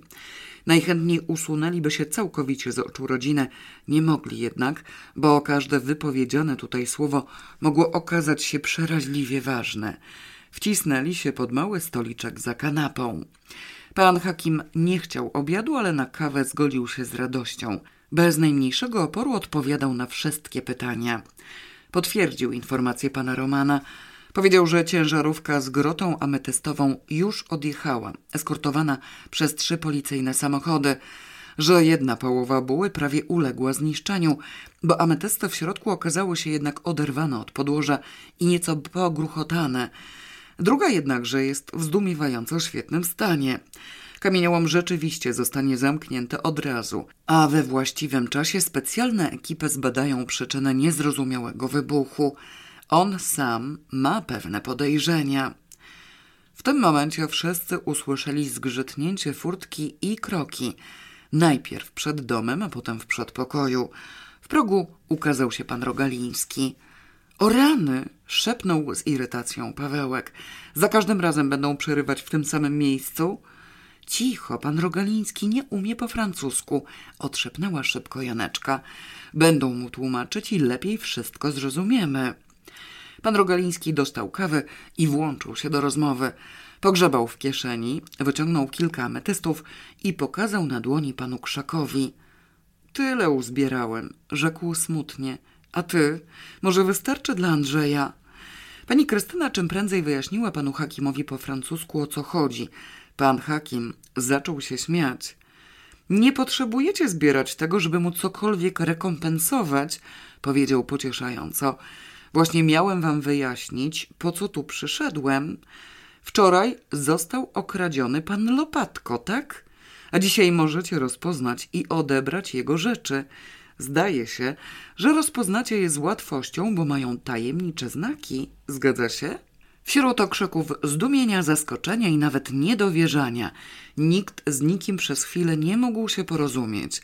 Pan Rogaliński dopytywał się natrętnie, co ten facet powiedział, bo mu się wydaje, że niedokładnie zrozumiał. Cicho! wrzasnął na niego pan Krzak. Zaraz, jak to poważnie? Złapaliście złodziei i odebraliście rzeczy łopatki? Niech ja skonam. Jakim sposobem? Muszę się od was dowiedzieć, jakie to były znaki. Rzekł pan Hakim, doszedłszy wreszcie do głosu i wyciągnął notes. To jest formalność. Nic nie poradzę. Zaraz wszystko wyjaśnię. Pan Krzak wyrwał mu notes i narysował w nim piękne i wyraźne czterdzieści cztery. Pani Krystyna zlitowała się nad panem Rogalińskim i pośpiesznie zaczęła tłumaczyć słowa pana Hakima. Pan Hakim przyjrzał się dwóm czwórkom i schował notes. Każda policja świata ma jakieś swoje sposoby, powiedział uśmiechając się. Nasza też. Dowiedzieliśmy się o kradzieży bardzo szybko i natychmiast, prościutko jak po promieniu księżyca, Poszliśmy tam, gdzie znaleziono ukradzione rzeczy. Nasza policja jest mniej poetyczna i idzie prosto jak po sznurku, mruknął pan Roman. Jaki sznurek? Spytał niespokojnie pan Rogaliński. Zrozumiałem, że przy księżycu znaleźli sznurek i dadzą go nam, żebyśmy się mogli powiesić. Uspokoił go pan Krzak. A co się nagle stało, że ta policja tak trafiła? Do tej pory jakoś to było niemożliwe. Cud? Dostali niespodziewaną pomoc. Odparł pan Hakim tajemniczo i odwrócił głowę, spoglądając na leżącego pod obiadowym stołem Habra. Dwa miejsca stały się nagle znane i w tych dwóch miejscach rzeczywiście znaleziono złodziejski łup. Co za pomoc? Tego się nikt nigdy nie dowie. Cała zasługa przypada mnie i wszyscy myślą, że stałem się nagle jasnowidzący. Trudno, muszę się z tym pogodzić, ale i tak jeszcze byłyby duże kłopoty, gdyby nie te wasze czterdzieści cztery. To usuwa wszelkie wątpliwości. Fantazja, ucieszył się pan Krzak. I kiedy to będzie można odebrać? Nawet już dzisiaj. Im prędzej, tym lepiej. W sprawozdaniu będą mogli napisać, że ukradzioną własność odzyskano przed upływem 24 godzin i zwrócono poszkodowanemu. Możliwe, że ktoś za to dostanie awans. Pani Krystyna znów zmiłowała się nad panem Rogalińskim, który siedział jak na szpilkach. A złodzieje? zainteresował się pan Roman. Złodzieje zostali złapani? Cała szajka jest już w areszcie. Ściśle biorąc, to są dwie szajki, dziewięć osób, oczywiście bez szefa. Jak to bez szefa? Dlaczego? Szefa nikt nie zna. No nie, bez żartów, zawołał z wyrzutem pan Krzak. Złodzieje go znają. Nie mówcie mi, że tacy twardzi nie powiedzą ani słowa. Ależ skąd? Oni mówią, odparł żywo pan Hakim. Wszyscy bardzo chętnie mówią, kto jest szefem, tylko każdy mówi co innego. Według informacji od nich jest już dziesięciu szefów, z tym, że żadnemu z nich niczego nie można udowodnić. Trudno, nie wymagajmy za wiele. Zanim prawdziwy szef, którym być może nie jest żaden z tych dziewięciu, zorganizuje sobie nową szajkę, upłynie jakiś czas i będzie trochę spokoju. Ta zatrzymana szejka zrobiła się już zbyt bezczelna i stanowczo należało z nią skończyć. Poszło najłatwiej w świecie.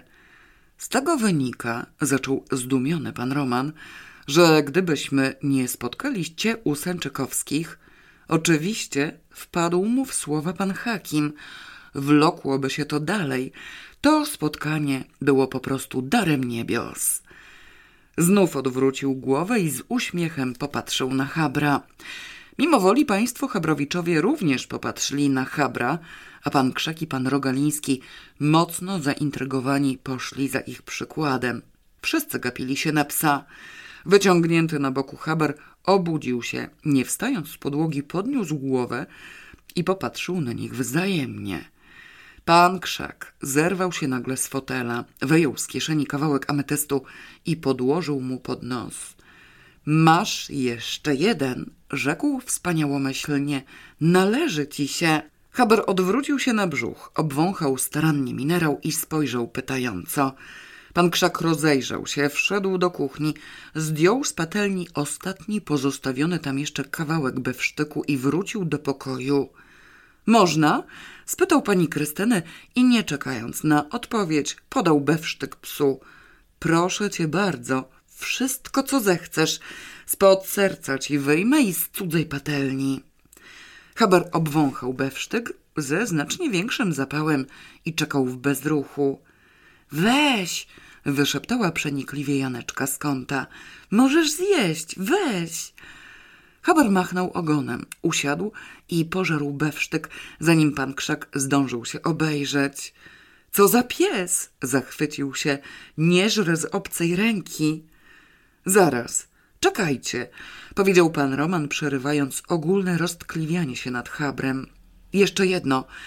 Hakim, słyszałem, że podobno masz jakieś podejrzenia co do tego wybuchu w kamieniołomie. Coś zacząłeś mówić. Domyślasz się, co to było? No i proszę, jak ty się pięknie nauczyłeś mówić po francusku, wyrwało się pani Krestenie. Przełożyłem się, mruknął pan Roman po polsku i spojrzał pytająco na pana Hakima. Ja się przykładam i nic, westchnął żałośnie pan Rogaliński. Bez rezultatu. Ty masz kreślić i więcej ci nie potrzeba, a kreślić umiesz we wszystkich językach świata, pocieszył go pan Krzak. Przestańcie gadać i niech on powie, jakie ma podejrzenia. Zniecierpliwiła się pani Krystyna. Ja podejrzewam, że w tym wybuchu maczali palce złodzieje. Powiedział pan Hakim i Janeczka z Pawełkiem, którzy na moment zastegli, odetchnęli z odrobiną ulgi. Wiem, że gdzieś w jakiejś dziurze czy szczelinie mieli dodatkową kryjówkę i chowali tam różne rzeczy. Możliwe, że popełnili jakąś nieostrożność. Mogła to być butla gazowa, czy nawet butle ze sprężonym tlenem, bo i to kradli. Ale możliwe też, że jeden na drugiego zastawił pułapkę. Teraz oczywiście nikt się nie przyzna, a wszelkie ślady zniknęły. A właśnie, byłbym zapomniał. Chciałem was prosić o ten kawałek kieszeni, który oderwaliście złodziejowi przy poprzedniej okazji. Przecież Zaczął zaskoczony Pawełek i umilkł, szturchnięty gwałtownie przez Janeczkę, która zerwała się i pociągnęła go za rękę. Zaraz przeniesiemy, zawołała, wywlekając brata z pokoju. Na co im ta kieszeń? Przecież ten z okiem jest zabity, wysyczał Pawełek już za drzwiami. Ja bym wolał powiedzieć, że nam zginęła. Oszalałeś? Dlaczego? Może po kieszeni chcą znaleźć jego zwłoki? Może on tam, gdzie leży? I sami będą węszyć, tak? Co zrobią bez Habra? A Habra im nie damy. A, no rzeczywiście. A i tak ja uważam, że on tam wcale nie leży. Przypomnij sobie, Haber powęszył i nic. Jakie nic? Mówił, że coś znalazł. Ale nie zwłoki przecież. Przy zwłokach albo by przeleciał i kazał tam pójść, albo by wył. On tylko mówił, że w tym miejscu się bili i w ogóle od razu mogliśmy im powiedzieć, że żadna ofiara nie leży nigdzie przysypana, żeby nie wiem, co ją przysypało. Pies by wiedział. To na co im ta kieszeń? Nie wiem. Spytamy go. Pan Hakim nie miał nic przeciwko temu, żeby wyjaśnić, po co mu kieszeń.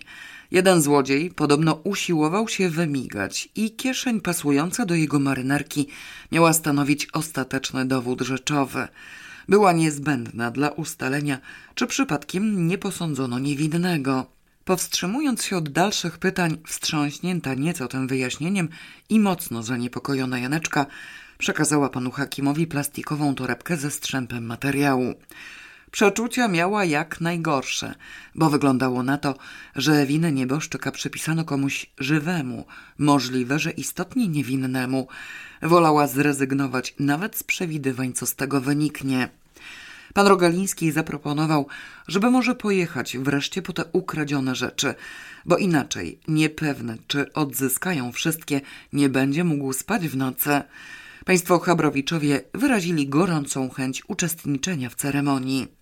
Zanim Janeczka i Pawełek zdążyli zdradzić się z najwyższą odrazą do wizytowania złodziejskiej Meliny, wyszło na jaw, iż uroczystość rozpoznawania własności pana Andrzeja Łopatki odbędzie się w komendzie policji. Do komendy policji mogli jechać bez przeszkód, niczym im to nie groziło. Mało było prawdopodobne, iż siedzi tam poukrywana po zakamarkach i dysząca zemstą cała rodzina złodziei. W komendzie policji, dość ponurej i mrocznej, w pokoju na piętrze, leżał na stole cały stos różnych rzeczy. Pierwsze, co ujrzał i wskazał z okrzykiem pan Krzak, to były buty pana Andrzeja.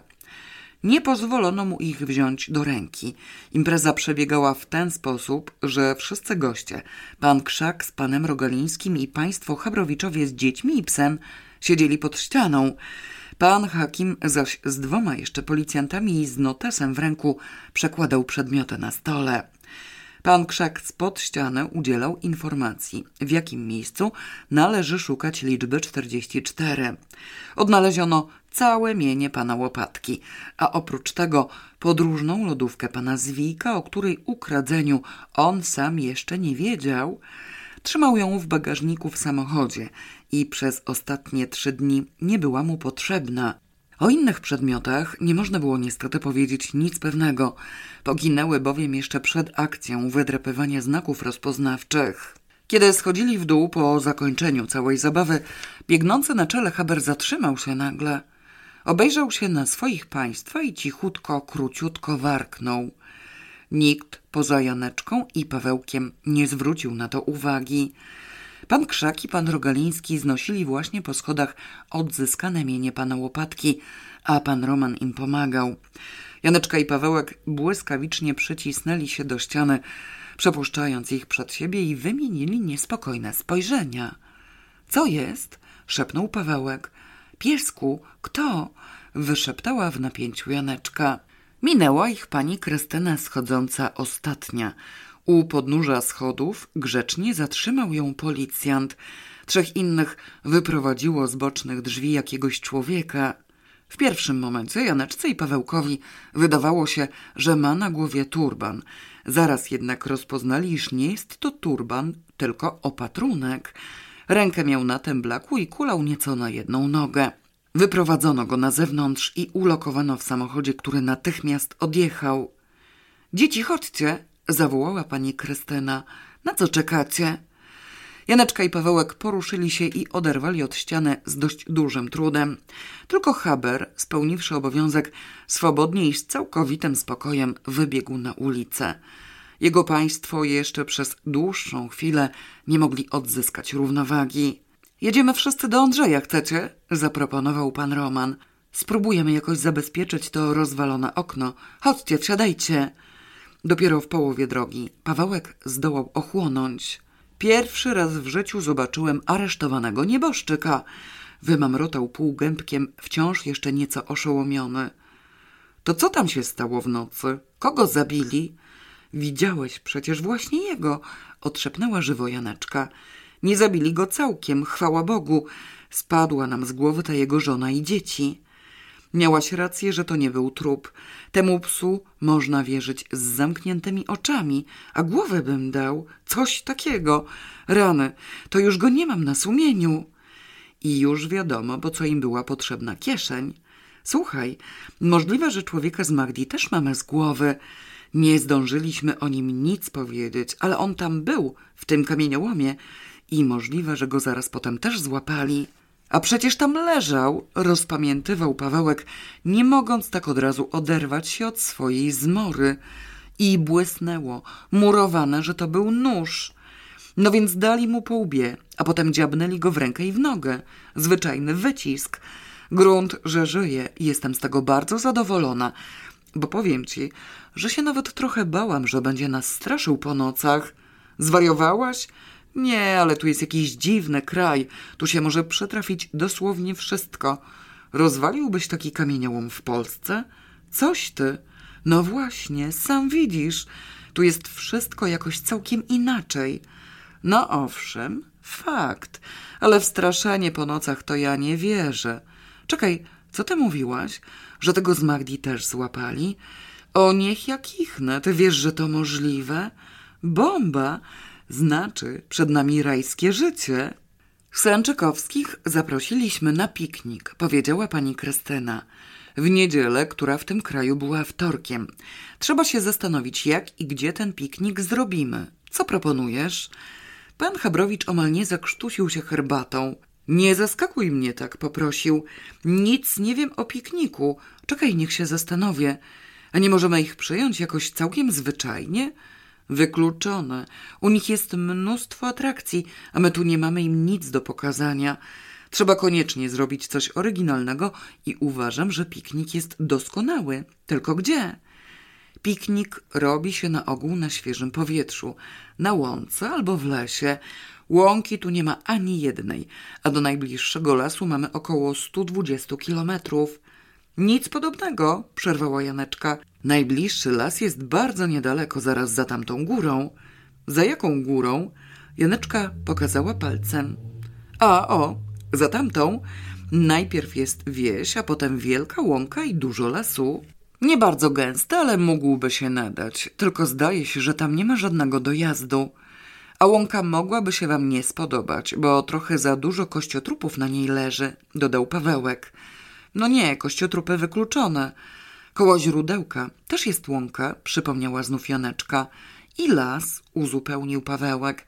Też nie bardzo gęsty i może trochę niepodobny do lasu, ale za to stromy.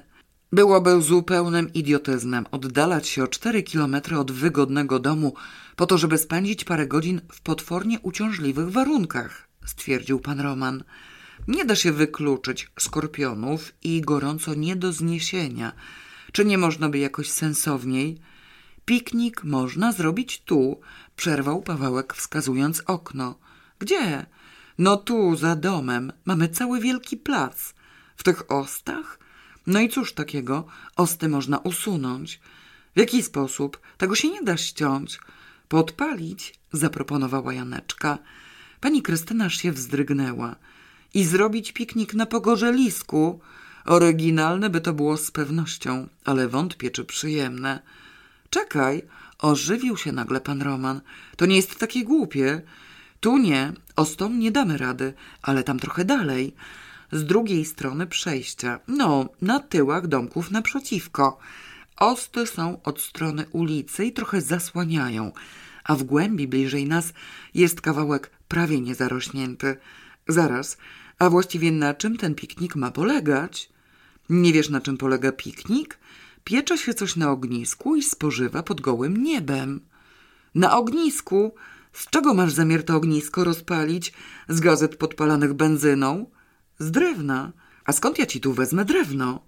Gdzieś się znajdzie. Jeszcze nie wiem, na co się zdecyduję, ale chcę zobaczyć to miejsce. Kolacja już była właściwie skończona. Wszyscy zerwali się od stołu i wybiegli na zewnątrz. Dalej w głąb przejścia, za ogrodzeniem ostatniego domu, była wielka, pusta przestrzeń, istotnie mniej zarośnięta. Pani Krystyna zatrzymała się i oceniła suchy, szary, zakurzony teren. Czy ja wiem? powiedziała niepewnie. Janeczce i Pawełkowi pomysł zaczął się nagle ogromnie podobać. Ja wam skombinuję drewno, obiecał Pawełek z zapałem. Wiem, gdzie rosną odpowiednie drzewa, suche jak pieprz. Zróbmy tu piknik, będzie fajnie. Można postawić parasol plażowy i rozpostrzec daszek z prześcieradła, podsunęła zachęcająco Janeczka. Lepiej tutaj, bo przy stole w mieszkaniu zrobi się okropnie ciasno. Pani Krystyna spojrzała na córkę. Rzeczywiście, mieli być państwo sęczykowscy i pan Hakim. Razem z nim siedem osób. Przy obiadowym stole już sześć nie bardzo się mieściło. Wahało się jeszcze przez chwilę. Zróbmy próbę, zaproponował Pawełek. Co nam szkodzi? Zróbmy taki próbny piknik, byle kiedy, nawet jutro, sami ze sobą. Zobaczymy, jak nam wyjdzie. Bardzo dobrze, próbny piknik mi odpowiada, zgodziła się pani Krystyna. Co ma być do jedzenia? Szaszłyki, mruknął pan Roman. Mogą być szaszłyki z wałowej polędwicy, bo baraninę i koninę musiałabym namoczyć. O jakiej porze? No, po południu chyba nie. Po południu jest znacznie więcej czasu. W takim razie nie będzie obiadu, tylko drugie śniadanie. Obiad będzie wieczorem, jak wrócisz z pracy i będzie to obiad piknikowy. Próba musi być porządna, z parasolem i prześcieradłem. Ustawisz to wszystko w czasie przerwy, jak przyjedziesz na drugie śniadanie. I zostawię, przecież ukradną. Po pierwsze, złodzieje siedzą, a po drugie, pies będzie pilnował. Dzieci, wy się starajcie o drewno. Od rana. Suche cierniowe drzewka wyświadczyły przysługę po raz drugi. Odcięcie i przywleczenie kolczastych gałęzi okazało się tak trudne, że trwało do południa, a i tak było ich za mało na porządne ognisko. Zmartwiony Pawełek zdecydował się na wykorzystanie ostów, które, jak już zdołał stwierdzić, paliło się doskonale, tylko trochę zbyt szybko. Poprzednim razem wystarczyła mu ich niewielka ilość, teraz niezbędne było znacznie więcej i zdobycie ich od razu urosło do rozmiarów poważnego problemu. Należało je ścinać czymś potężnym, bo nawet sekator z trudem dawał im radę. Ponadto kłuły straszliwie.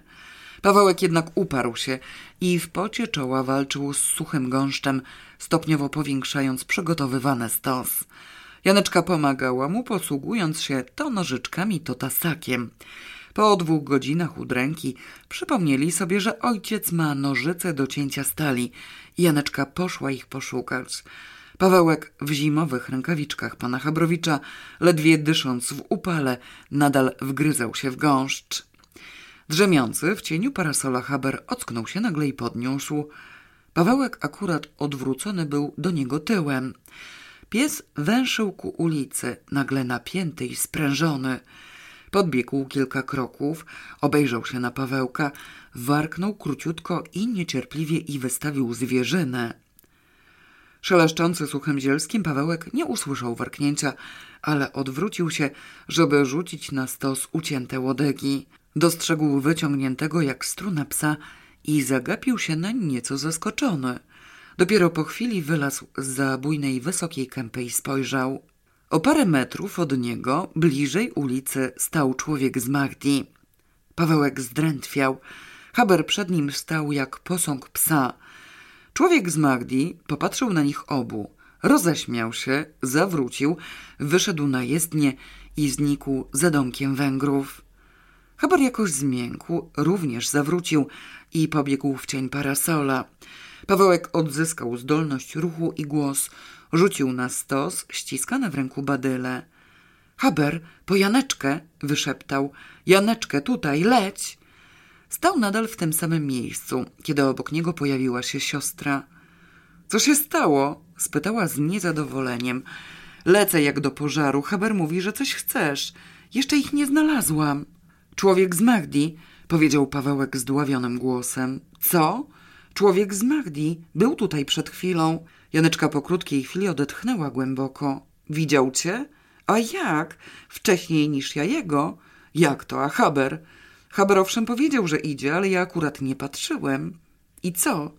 Nic. Tu stał i patrzył. I co? Jak to co? No co potem, pytam, przecież już nie stoi.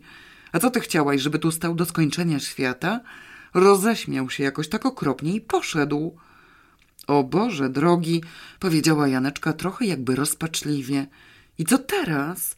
Myślisz, że naprawdę chce nas zabić? Nie wiem, nie zabił mnie na razie, bo to jest bardzo złe miejsce dla niego. Widać nas tu, ktoś może patrzeć, no nie wiem. Na jego miejscu wypuściłbym tu jakieś jadowite węże albo co. Może ze dwa skorpiony załatwiłyby sprawę bez żadnych podejrzeń. Niespokojnie rozejrzeli się po suchych ostach, pilnie śledząc, czy nie dostrzegą gdzieś jakiegoś podejrzanego ruchu. Wszędzie panował idealny spokój. Haber pod parasolem zabierał się do drzemki. Piesku jęknęła niepewnie Janeczka. Haber znów się podniósł, spojrzał w kierunku ulicy i obejrzał się na nich. Ktoś idzie, szepnął Pawełek, ale to nie on. Z ostów ukazała się nagle Arabka w białym hajku. Zbliżała się ku nim bez pośpiechu, niosąc coś w rękach przed sobą. Z całej jej postaci widać było tylko jedno oko, wielkie i czarne. Szła zręcznie i lekko, nie mogła zatem być stara. Podeszła bardzo blisko i postawiła przed nimi na ziemi niesiony pakunek, dość wysoki i wąski, owinięty szarym papierem. To dla was, powiedziała po francusku, pamiątka, prezent. Janeczka i Pawełek stali nadal bez słowa i bez najmniejszego ruchu. Haber obok nich zamachał ogonem. Rabka patrzyła na nich jednym okiem. To dla was od mojego męża, powtórzyła. On wie, że wy to kochacie. Zrobiliście coś dla niego, dla mojego męża. Zrobiliście dla niego coś bardzo dobrego i on wam daje pamiątkę. Odczekała chwilę i znów się odezwała. Pamiątka dla was. Mój mąż jest wdzięczny. Ja też. To dla was. Bądźcie szczęśliwi. Ukłoniła im się lekko, odwróciła i odeszła. Gdzieś na jezdni zawarczał samochód, przejechał ulicę i znikł za zakrętem. Haber przeciągnął się i ziewnął. W domku na samym końcu osiedla ktoś wyszedł i postawił pod latarnią czarną torbę ze śmieciami. Gdzieś daleko zaryczał osioł. Janeczka i Pawełek stali bez drgnięcia, wpatrzeni w podarunek. Pani Krystyna, zaciekawiona ilością zdobytego opału, wyszła z domu i poszła na miejsce pikniku. Zdziwiła się nieco, widząc swoje dzieci stojące obok siebie w bezruchu. Pawełka w rękawiczkach i sekatorem w dłoni i Janeczkę z pustymi, bezwładnie opuszczonymi rękami, wpatrzone w jakiś przedmiot osłonięty pakowym papierem. Pies wyglądał normalnie, siedział w cieniu i zamiatał ogonem. Pani Krystyna zatem nie poczuła żadnego niepokoju. Dzieci, co wam się stało? spytała z zaciekawieniem. Co to jest? Dzieci drgnęły tak, jakby obok nich uderzył piorun. Pani Krystyna zdziwiła się bardziej. Co wam się stało? Dlaczego tak stoicie? Co to jest ta rzecz? Nie wiemy, odparł głucho Pawełek. Dostaliśmy to w prezencie, dodała Janeczka grobowym głosem. Zaskoczona i zdumiona pani Krystyna podeszła do przedmiotu. Dostaliście to w prezencie? Od kogo? Od męża jednej Arabki. Jakiego męża? Nic nie rozumiem. Co to jest takiego? Pochyliła się i chciała dotknąć przedmiotu. Janeczkę rzuciło. Nie rusz! Wrzasnęła okropnie. Pani Krystyna wyprostowała się, niemal ogłuszona. Dlaczego? Co to ma znaczyć? Słuchajcie, przestańcie mi tu pokazywać sztuki. O co chodzi? Bardzo możliwe, że to jest jadowity wąż albo skorpion, powiedział Pawełek tonem pogrzebowym. Nie dotykaj, dostaliśmy to w prezencie. Dostaliście w prezencie jadowitego węża albo skorpiona? Czy macie źle w głowie? Obejrzała się nagle na Habra. I pies nic nie mówi? Janeczka i Pawełek jakby się nagle ocknęli. Równocześnie odzyskali wszystkie przyrodzone zdolności. Gwałtownie odwrócili się do psa. Haber! zawołała Janeczka błagalnie. Zobacz, piesku, co to jest? Tu, Haber, tu! Haber wesoło wybiegł z cienia i podbiegł do przedmiotu. Obwąchał go, kichnął i znów zaczął obwąchiwać gorliwie i nawet jakby z przyjemnością. Pomachał ogonem, usiadł obok i popatrzył pytająco. No nie, powiedziała stanowczo pani Krystyna. Mowy nie ma, żeby to było coś szkodliwego. Ja chcę zobaczyć, co to jest. A w ogóle, skąd to się tu wzięło? Arabka przyniosła, odparła Janeczka. Prawidłowa, w białym hałacie. Bardzo dobrze, w takim razie trzeba to odpakować. Zaufanie do psa było tak absolutne, że wszelka myśl o wężach i skorpionach znikła im z głowy całkowicie. Wszyscy troje pochylili się nad przedmiotem i zaczęli odwijać warstwę papieru. Nie było ich wiele. Pod niecierpliwie zerwanym arkuszem zalśniła czerwonym blaskiem miedź. Ukazały się koronkowe arabeski. Ależ to lampa! wykrzyknęła pani Krystyna nieopisanie zdumiona i zachwycona. Jakaż piękna! Dzieci, skąd? Kto wam dał w prezencie taką piękną lampę?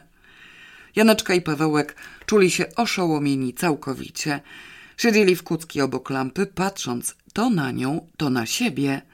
Lampa była rzeczywiście prześliczna, trochę większa od tamtej kupionej na suku w Magdi, z ażurowym abażurem, powycinanym w arabeskowe wzory, spartym na trzech łapkach, z trzema knotami wystającymi z otworów zbiorniczka, tylko bez odblaskowej tarczy. Najwidoczniej była to lampa, która miała świecić dookoła. Janeczka podniosła się w końcu, ponieważ zdrętwiały jej nogi. No więc dostaliśmy to od męża jednej Arabki, odpowiedziała na niecierpliwe pytania pani Krystyny. Przyszła tu i przyniosła to. Powiedziała, że jest to prezent na pamiątkę dla nas od jej męża. No dobrze, ale dlaczego? Znacie tego męża? Możliwe, że z widzenia, odparł ostrożnie Pawełek i podniósł się również. I kto to jest? Janeczka zawahała się. Jeden taki człowiek, wyjaśniła z namysłem, rozmawiał z nami. To znaczy, tak nam się wydaje, że to on, bo żadnego innego męża nie znamy. Dziwaczna jakaś historia.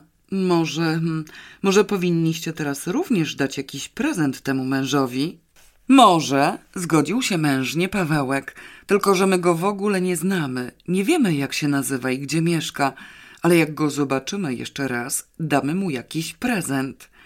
No dobrze, zróbcie z tym coś teraz, bo niedługo ojciec przyjdzie. Szaszłyki mamy już gotowe. Prześliczna ta lampa. Boję się, że to jest coś drogiego i naprawdę nie wiem, co zrobić. Czy opału wystarczy? Dobra, potem się zajmiemy prezentami i tak dalej, zadecydował z nagłą energią Pawełek. Opału zaraz dorobię i powinno wystarczyć. Zabierzcie ją do pokoju, a ja tu jeszcze trochę utnę.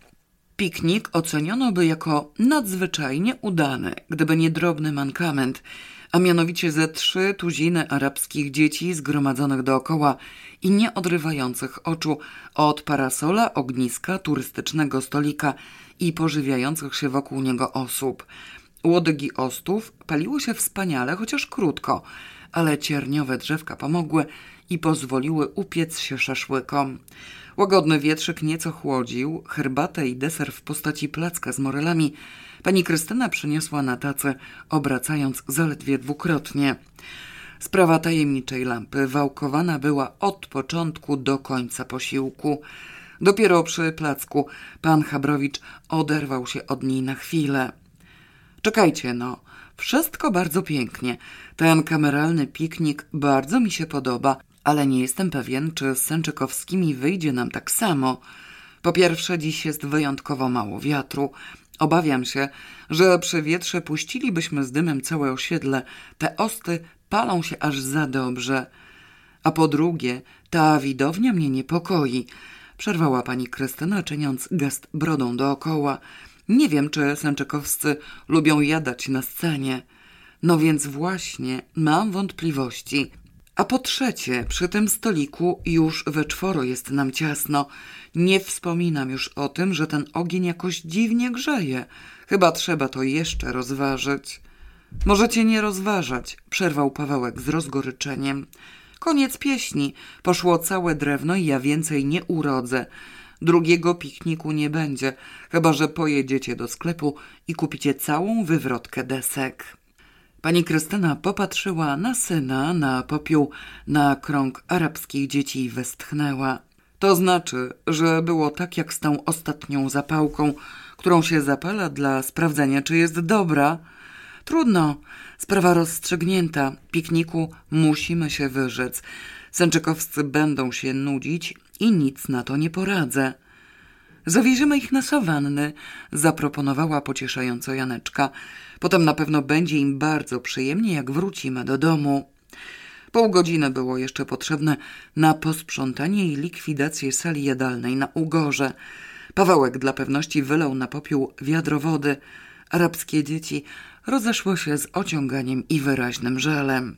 Państwo Chabrowiczowie zamierzali wrócić do kwestii tajemniczej lampy, która intrygowała ich niezmiernie, ale okazało się to niemożliwe.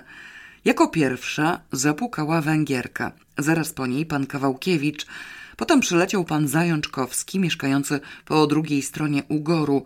Po nim nadjechali pan Krzak z panem Rogalińskim, państwo Zwijkowie i państwo Ostrowscy.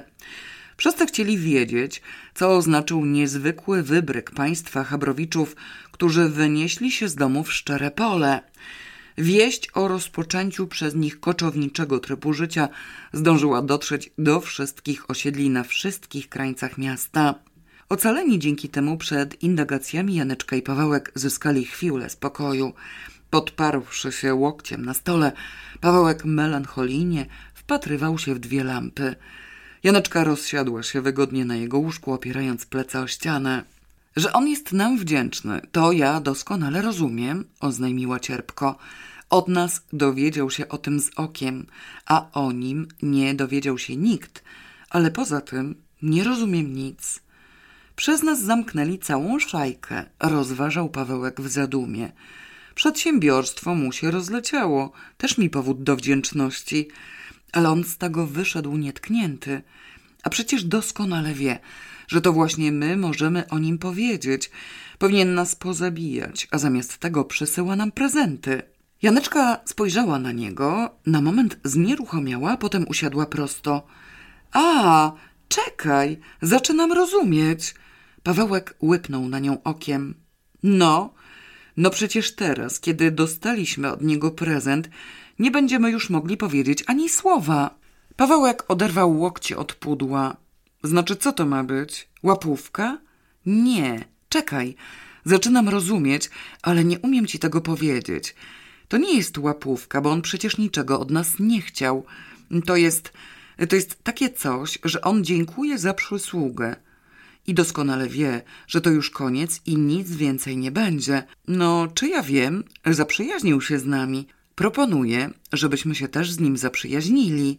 Mamy się przyjaźnić ze złodziejem? Oburzył się Pawełek. Janeczka znów rozmyślała przez chwilę, kręcąc głową. Nie, jeszcze nie tak. To jest jakieś takie, no jakby jeden etap i już się skończył. W tym etapie wyświadczyliśmy mu przysługę. Kropka. Teraz możemy robić co chcemy. To już będzie drugi etap i w tym drugim etapie on może być z nami zaprzyjaźniony albo może być naszym wrogiem. Do niczego nas nie namawia, ale proponuje zaprzyjaźnienie.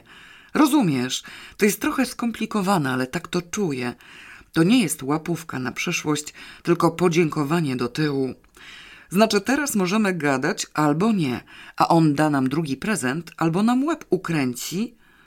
Nie, rzekła stanowczo Janeczka po kolejnym namyśle. Ani nam nie da więcej prezentu, ani nam łba nie ukręci. Dlatego wysłał żonę. W głębokim skupieniu Pawełek rozważał słowa siostry. Niezwykły takt arabskiego herszta szajki, który do pertraktacji z nimi wysłał osobę łagodną i neutralną, przemawiał jakoś i do niego. Czuł, że Janeczka ma rację.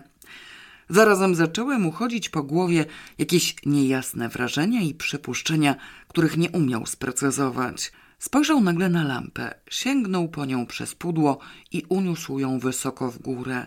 Spojrzyj na to dno, polecił, poświeć latarką. Janeczka ześlizgnęła się z łóżka i przykucnęła z latarką w dłoni. Przez chwilę przyglądali się pilnie.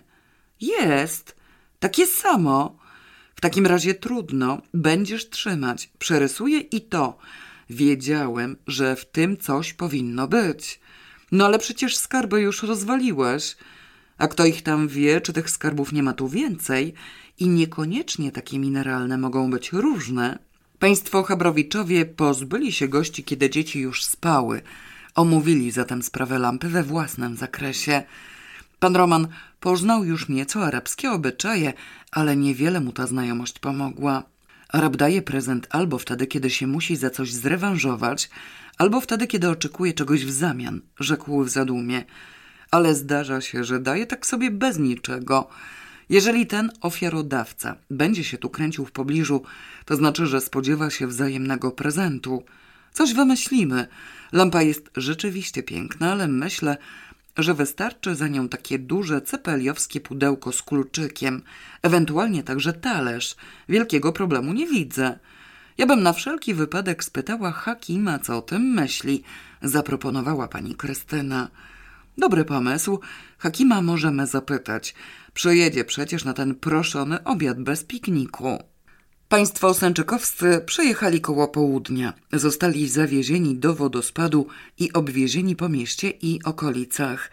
Wrócili krótko przed obiadem i zaraz potem pojawił się pan Hakim. Pani Sęczykowska chichotała tak, że łzy płynęły jej z oczu, ponieważ państwo Chabrowiczowie opowiedzieli o swoich próbach piknikowych. Przy deserze pan Roman przypomniał sobie o lampie i poruszył tę sprawę. Na polecenie pani Krystyny Pawełek przeniósł lampę i zaprezentował wszystkim. Pan Hakim wysłuchał relacji o wydarzeniu. Pomyślał chwilę, uśmiechnął się pod nosem i poparł zdanie pana Romana. Nie ma sprawy. Jeżeli Arab będzie się tu kręcił, da mu się prezent wzajemnie, a jeżeli nie, to nie. Janeczka i Pawełek odetchnęli z ulgą i czym prędzej zabrali lampę z powrotem do swojego pokoju. Pani Krystyna z kolei pokazała państwu sęczykowskim uzbierane w kamieniołomie ametysty i wobec sensacyjnego wydarzenia sprawa lampy ostatecznie poszła w zapomnienie. Porzuciwszy towarzystwo, Janeczka i Pawełek usunęli się do pokoju Pawełka. Aż do jutra był to teraz ich wspólny pokój, ponieważ goście zostali ulokowani w pokoju Janeczki. Otworzyli okno i zapalili obie lampy z desperacką nadzieją, że może dzięki temu coś im przyjdzie do głowy. Tajemnicze znaki wydrapane na dnie obu lamp nie dawały im spokoju. Rany, może on chce wejść z nami do spółki, powiedział Pawełek z rozpaczą. I tym sposobem nas namawia. Szukajmy tego skarbu razem, powiada. Janeczka skrzywiła się z niechęcią. Nie wiem, dlaczego nie miałby szukać sam. Chyba mu łatwiej, nie? Jest miejscowy. Skąd wiesz, czy łatwiej?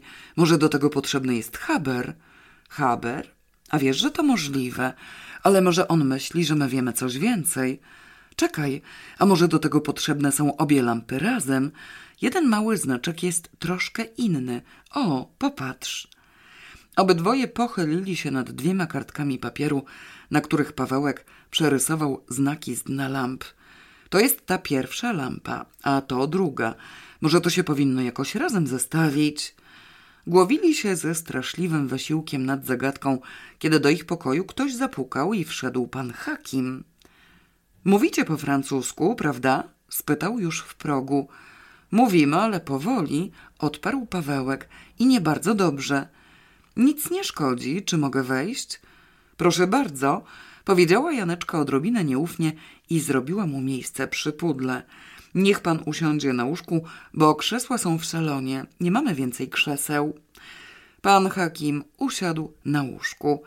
Chcę z wami porozmawiać, rzekł wesoło błyskając czarnymi oczami. O czym? zainteresował się podejrzliwie Pawełek. O tym, odparł pan Hakim i wskazał lampę. Powiedzcie mi dokładnie, ale bardzo dokładnie, co mówiła ta kobieta, żona tego człowieka, który dał wam prezent. Powtórzcie każde słowo. Janeczka i Pawełek popatrzyli na siebie. Nie mieli najmniejszego zamiaru powtarzać słów o wyświadczeniu przysługi. Dotychczas udawało im się je pomijać. Janeczka zdecydowała się wziąć na siebie ciężar ukrycia kawałka prawdy. Ta pani powiedziała to dla was. Zaczęła ostrożnie i z namysłem. Pamiątka, podarunek. I potem powiedziała, że to od jej męża. Powiedziała, on wie, że wy to kochacie. I jeszcze raz powiedziała, że to pamiątka i prezent. Pawełek przezornie milczał. I nie byliście zdziwieni? Spytał pan Hakim, uśmiechając się wyraźniej. Byliśmy straszliwie zdziwieni, wyznała grzecznie Janeczka. Bardzo zdziwieni, kompletnie zdziwieni. Czym? Jej słowami? Wszystko razem. Ja was pytam, czy nie byliście zdziwieni tym, co ona powiedziała? Że jej mąż wie, że wy to kochacie. Czy nie pytaliście siebie, was samych, skąd on wie, że wy to kochacie? Janeczka i Pawełek przez chwilę upewniali się wzajemnie, czy dobrze rozumieją pana Hakima. Rany. Faktycznie, skąd jej coś takiego przyszło do głowy? Powiedział po polsku zdezorientowany Pawełek. No więc tak, byliśmy straszliwie zdziwieni. Powtórzyła po francusku Janeczka, ponieważ brakowało jej innych słów. Nie wiemy, dlaczego ona to powiedziała. Pan wie? Wiem, odparł pan Hakim i roześmiał się. Rozmawiałem już z tą bandą złodziei. Oni widzieli, jak ukradliście im lampę. Co? Oburzył się Pawełek. My ukradliśmy im lampę? To nie to, zaprotestowała równocześnie Janeczka z wielką gwałtownością. Oni ukradli naszą lampę. Oni ukradli waszą lampę, a wy ukradliście ich lampę. Ależ nie, to była nasza lampa. Wasza lampa znajdowała się w zupełnie innym miejscu. Ukradliście ich lampę. Oni to widzieli, ale nic nie mówili. Janeczka i Pawełek poczuli się jakby z lekka ogłuszeni. Zarazem przyszło im na myśl, że może źle się rozumieją wzajemnie. Zażądano powtórzenia. Pan Hakim cierpliwie powtórzył wszystko to samo. Rany, nic z tego nie rozumiem, powiedział śmiertelnie zaskoczony Pawełek po polsku. Znaczy on mówi, że to nie była nasza lampa, tylko jakaś cudza i myśmy ją ukradli, tak? Ale przecież, przecież Haber nas tam zaprowadził. Haber nas doprowadził do złodzieja z krzywym okiem, przypomniała strapiona Janeczka. Na drugi dzień już trafiliśmy sami. Ale znalazł lampę i pokazał pokój, gdzie leżały różne rzeczy. Czekaj! Zwróciła się do pana Hakima i spytała po francusku. Tam razem z lampą było dużo rzeczy. Czy oni ukradli te wszystkie rzeczy? Pan Hakim kiwnął głową. Wciąż wydawał się nadzwyczajnie rozweselony. Tak, ale dużo wcześniej. To były rzeczy ze starych kradzieży. No tak, sam widzisz. Pies nas doprowadził do tego wszystkiego, co na pewno było jeszcze czuć naszymi. I tam była lampa taka sama jak nasza i pewnie identycznie śmierdziała. Mówił, że dookoła jest pełno ludzi. Widzieli to, jak włazimy. Jak to? Wrzasnął Pawełek z bezgraniczną urazą. I rozpoznali nas w przebraniu. Obydwoje równocześnie zwrócili się do pana Hakima, który ciekawie przysłuchiwał się tym wstawkom po polsku. Czy oni nas poznali? Oni wiedzieli, że to my? Z daleka nie, ale z bliska tak. Odparł pan Hakim i znów się roześmiał. Macie niebieskie oczy. Tu nikt nie ma niebieskich oczu. I macie psa, a tu nikt nie ma psa. O rany! Jęknął Pawełek. I co teraz? Spytała niespokojnie Janeczka. Nic. Oni byli najpierw tak zdumieni, że nic nie powiedzieli, a potem zrozumieli, że tak bardzo kochacie lampę i tak bardzo chcecie mieć lampę, że musieliście ją ukraść. Oni to rozumieją i nie mają pretensji. Nie wiedzieli, że waszą lampę też ukradziono, bo ukradł ją ktoś inny. Złodziej, ten, który chował różne rzeczy w kamieniołomie. Był to pierwszy wypadek, że ktoś z Europy coś im ukradł i są nawet dumni z tego. Pan Hakim znów się roześmiał. Janeczka i Pawełek nie byli w stanie zebrać myśli. Monstrualna komplikacja, powiedziała Janeczka, sama nie wiedząc, w jakim języku to mówi. I dlatego podejrzewam, że tę lampę przesłał wam ktoś z grupy złodziei, podjął pan Hakim. Być może nawet ten szef, który nie został zatrzymany. Czy wiecie, kto to jest? Kim jest ten człowiek, który wam to dał? Możecie go rozpoznać? Zanim zdążyli uświadomić sobie, co robią i wyłowić z chaosu myśli jakąś rozsądną decyzję, w pierwszym odruchu odpowiedzieli przecząco. Potem spojrzeli na siebie i jeszcze raz potrząsnęli głowami. Nie, my go nie znamy, powiedziała stanowczo Janeczka. Tak właśnie myślałem. Możliwe, że to był ten, który mieszka w Magdi. Nic mu nie możemy udowodnić. W każdym razie ta lampa nie była ukradziona i możecie ją zachować. Powiedzmy, że dokonaliście zamiany jednej lampy na drugą. Najwyraźniej w świecie pan Hakim bawił się doskonale. Niesamowita historia okradzenia arabskich złodziei przez europejskie dzieci podobała mu się tak, że co chwilę zaczynał się śmiać. Nawet niepowodzenie w odnalezieniu szefa szejki nie psuło mu nadzwyczaj dobrego humoru. Pawełek otrząsnął się nagle z okropnego oszołomienia. Jakaś myśl przedarła się przez beznadziejny mętlik wywołany nieoczekiwaną informacją. Zaraz, czekaj no, powiedział po polsku wciąż zdumiony i nieco ogłuszony. Myśmy im rąbnęli inną lampę. Ale przecież ona ma takie same znaki jak tamta nasza. Zdążyłem przerysować. To co to znaczy? Oni sobie na wszystkich lampach powydrapowali wiadomości o skarbach? Janeczka równie przecknęła się nagle. Spojrzała na brata, na dwie kartki papieru i na pana Hakima. Słuchaj, on umie czytać po arabsku, powiedziała pośpiesznie. Mamy to na papierze. Nie powiemy mu, z czego to jest. Powiemy, że przywieźliśmy z Polski. No? Pawełek wahał się tylko jedną sekundę. Ryzyk fizyk. Niech czyta.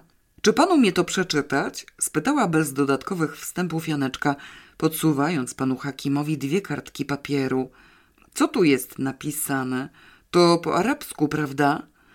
Pan Hakim z ciekawością pochylił się nad pudłem. Lampa oliwna o pojemności 11 uncji, przeczytał, zrobiona przez Ahmeda Hammani w Algierze. A tutaj to samo, tylko o pojemności 13 uncji, zrobiona również przez Ahmeda Hammana z Algieru. To właśnie wasze lampy. I co? Nic, powiedział słabo Pawełek po bardzo długiej chwili milczenia.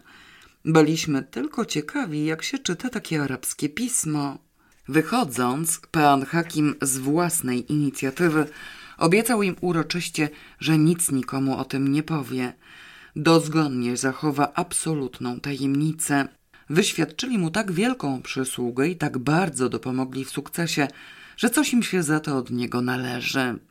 Pani Kawałkiewiczowa wtargnęła do nich wieczorem zaraz następnego dnia po swoim przyjeździe. Za rękę wlokła pana Kawałkiewicza. Słuchajcie, no moi kochani, co tu u was lata po murze? spytała gromko i surowo. Pani Krystyna zmywała w kuchni po kolacji. Pan Roman wkręcał nowy film do aparatu. Janeczka rozkładała po całej kanapie motki kolorowej wełny, usiłując dobrać sobie ulubiony zestaw kolorystyczny. Pawełek z wysiłkiem próbował czytać na głos francuski komiks.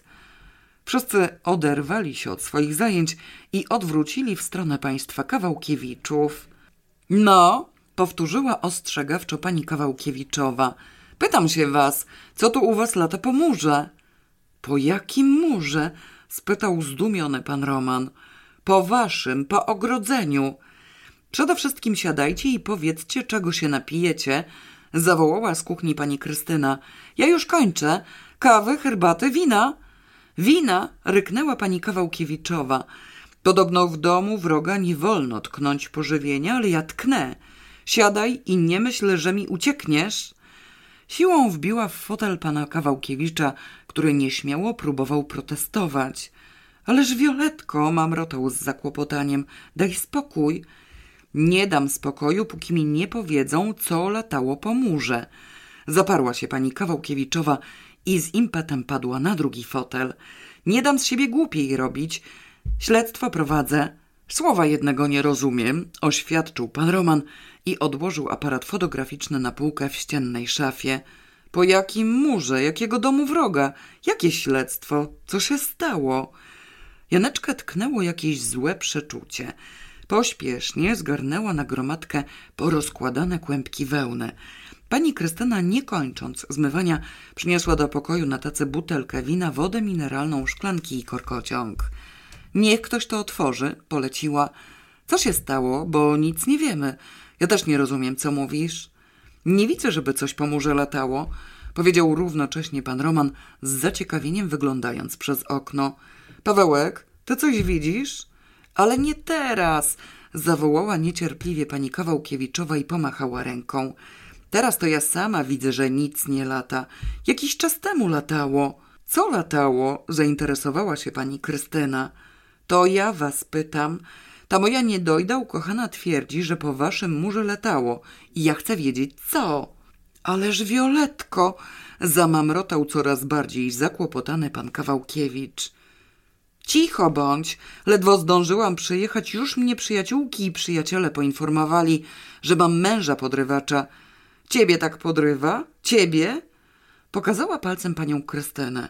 Pani Krystyna zdumiała się śmiertelnie i wytrzeszczyła oczy na pana Kawałkiewicza. Mnie? spytała prawie z przerażeniem. Ależ ja o tym nic nie wiem. Nie szkodzi, oni wiedzą. Podobno nic innego nie robi, tylko cię podgląda przez ogrodzenie. Na mury się wdrapuje, romans na dwadzieścia cztery fajerki. Pytam go, cóżeś ty, kochanie moje, na parkanie Chabrowiczów robił? A on powiada, że mu coś latało. Francuski komiks wypadł Pawełkowi z rąk. Janeczka wymknęła się z za stołu, gubiąc motki wełny. Pan Roman i pani Krystyna w osłupieniu wpatrywali się w panią Kawałkiewiczową. Pan Kawałkiewicz westchnął ciężko, wziął ze stołu butelkę wina i zaczął wkręcać korkociąg. No i co? ryknęła gromko pani Kawałkiewiczowa. Co wam tak mowę odjęło? Latało po ogrodzeniu czy nie? Bo że łaził po murach, to się nawet nie wypiera. Naprawdę łaziłeś po murach?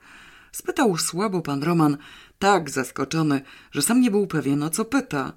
No owszem, przyznał cichutko pan Kawełkiewicz. Raz jeden. Nie łaziłem, wszedłem na krzesło. No proszę, zagrzmiała jego żona. Nie mówiłam. Już się rozeszło, że dzień w dzień po krzesłach, po drabinach lata. Na wasze ogrodzenie włazi i do ogródka kikuje. Co tu macie w tym ogródku takiego? Już się dowiedziałam, że się w Chabrowiczowej zakochał na śmierć i życie. Koniec pieśni. Ze mną się będzie rozwodził. Jeszcze bym chciała wiedzieć, co Chabrowicz na to. Pan Chabrowicz jęknął i padł na kanapę. Pani Krystyna zirytowała się okropnie. Co za kretyństwa jakieś? Kto te brednie opowiada? Po co na litość boską właziłeś na to krzesło? Trzeba było wejść zwyczajnie przez furtkę.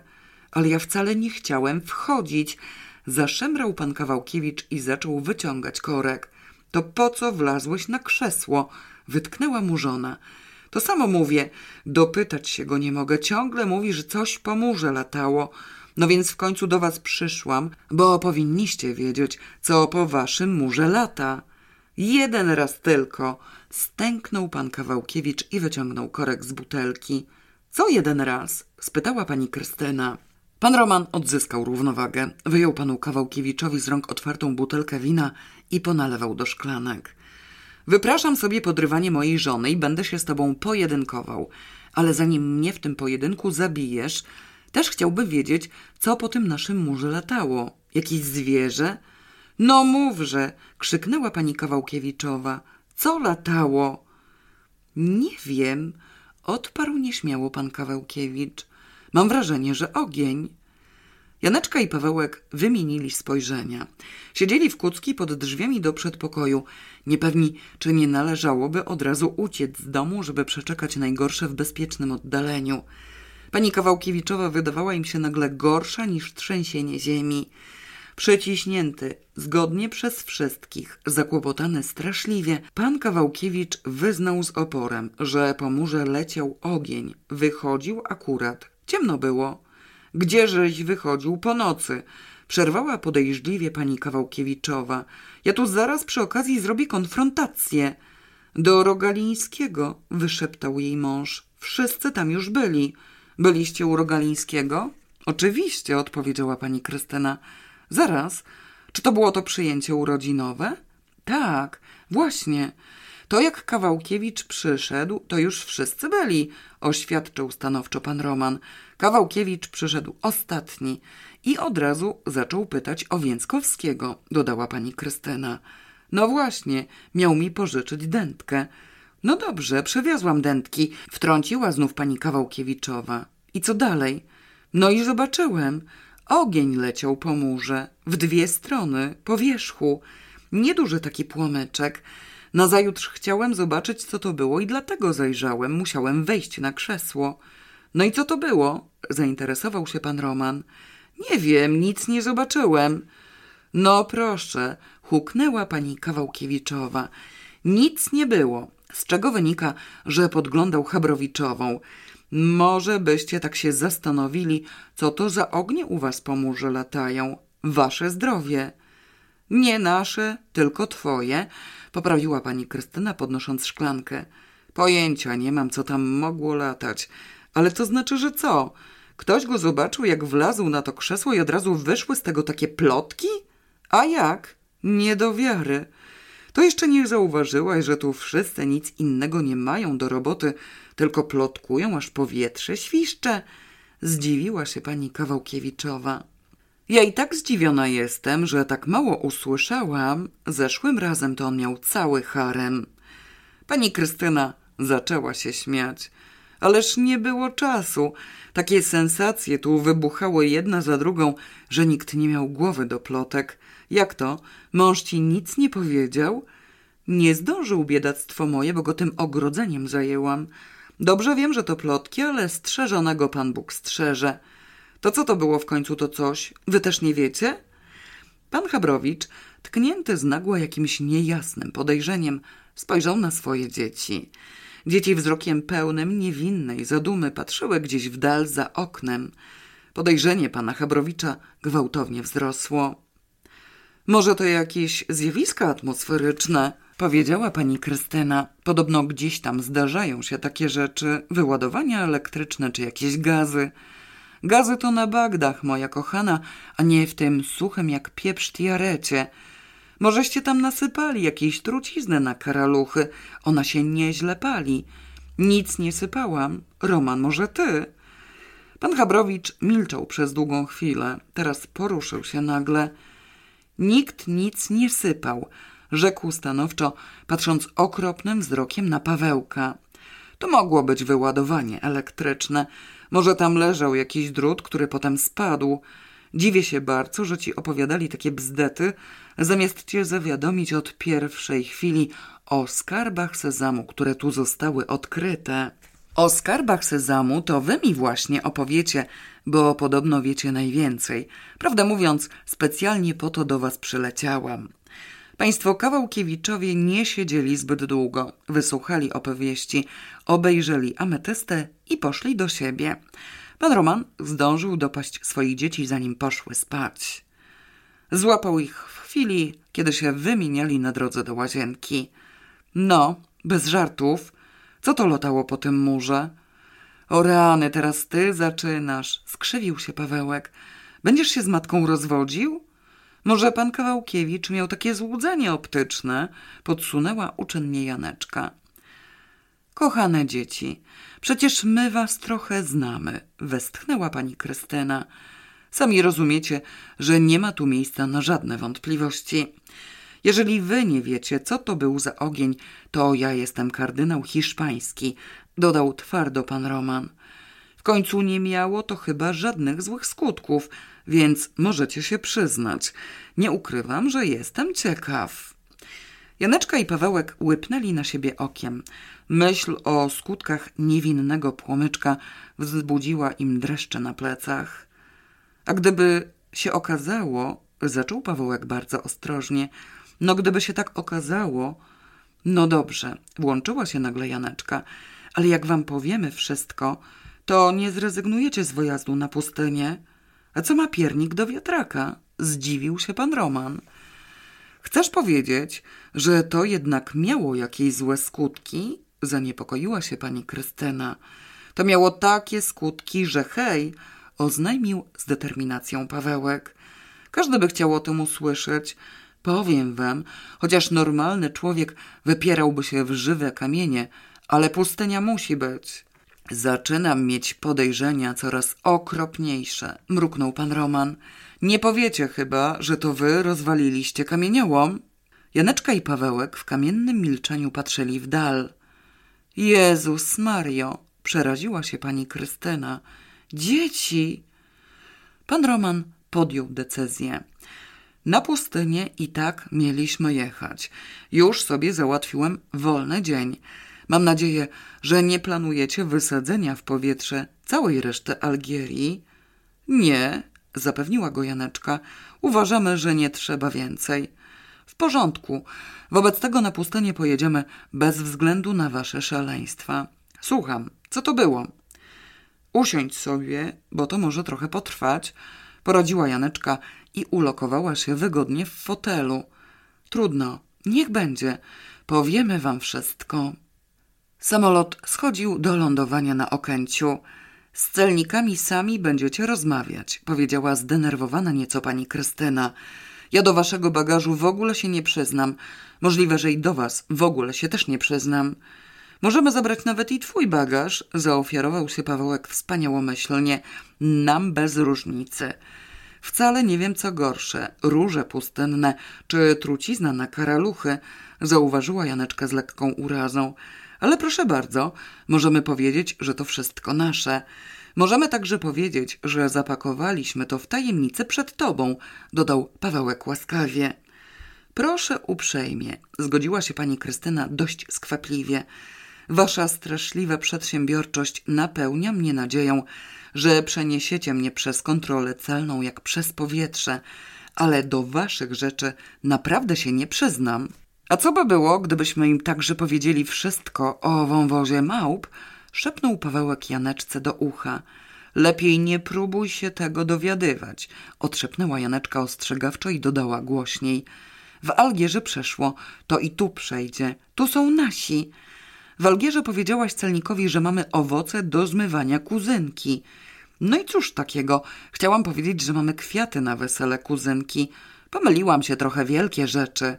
Dobrze mu to zrobiło, zauważył Pawełek, spoglądając przez okno. Od razu przestał zadawać głupie pytania. O, siadamy. W hali odpraw celnych zbuntowana pani Krystyna stanęła w oddzielnym ogonku z jedną średnią walizką. Janeczka i Pawełek z dwiema walizkami i wielkim pudłem stanęli w drugim. Sami przyjechaliście? spytał bez wielkiego zdziwienia kontrolujący celnik. Tak, odparła Janeczka. Nie, powiedział równocześnie Pawełek. Celnik spojrzał pytająco. No więc tak jakby sami, chociaż z mamusią, wyjaśniła Janeczka, ale ona powiedziała, że się do nas nie przyzna. Może pan na nią w ogóle nie zwracać uwagi, dodał Pawełek. W walizce ma same zwyczajne rzeczy, całą resztę mamy my. A można wiedzieć, co to jest ta cała reszta? Proszę bardzo. Jadalne żołędzie, dwie róże pustynne, muszle z plaży, jednego suszonego skorpiona, korę z dębu korkowego, cztery gatunki ostu, dwie lampy oliwne, strąki z drzewa cierniowego, skóry z jakiegoś barana albo może kozy, jeden gliniany wazon, jedną miskę, truciznę na karaluchy też mamy, przypomniał Pawełek, a tak, i jeszcze minerały z kamieniołomu, bawełnę akryliczną błyszczącą, dwa kawałki kaktusa, papier toaletowy. Celnik przestał słuchać już przy stronkach z drzewa cierniowego. Dostrzegł nagle grzecznie siedzącego przy ich nogach psa. Spojrzał na niego z nagłym zainteresowaniem. Wychylił się nawet ze swego fotela, przez chwilę jakby coś sobie przypominał, po czym uśmiechnął się lekko, machnął ręką, oddał im paszporty i czym prędzej polecił się usunąć, nie zdradzając najmniejszej chęci oglądania którejkolwiek z wymienionych rzeczy. Pani Krystyna ze swoją jedną walizką wzbudziła znacznie więcej podejrzeń. Musiała ją otworzyć i pokazać zawartość.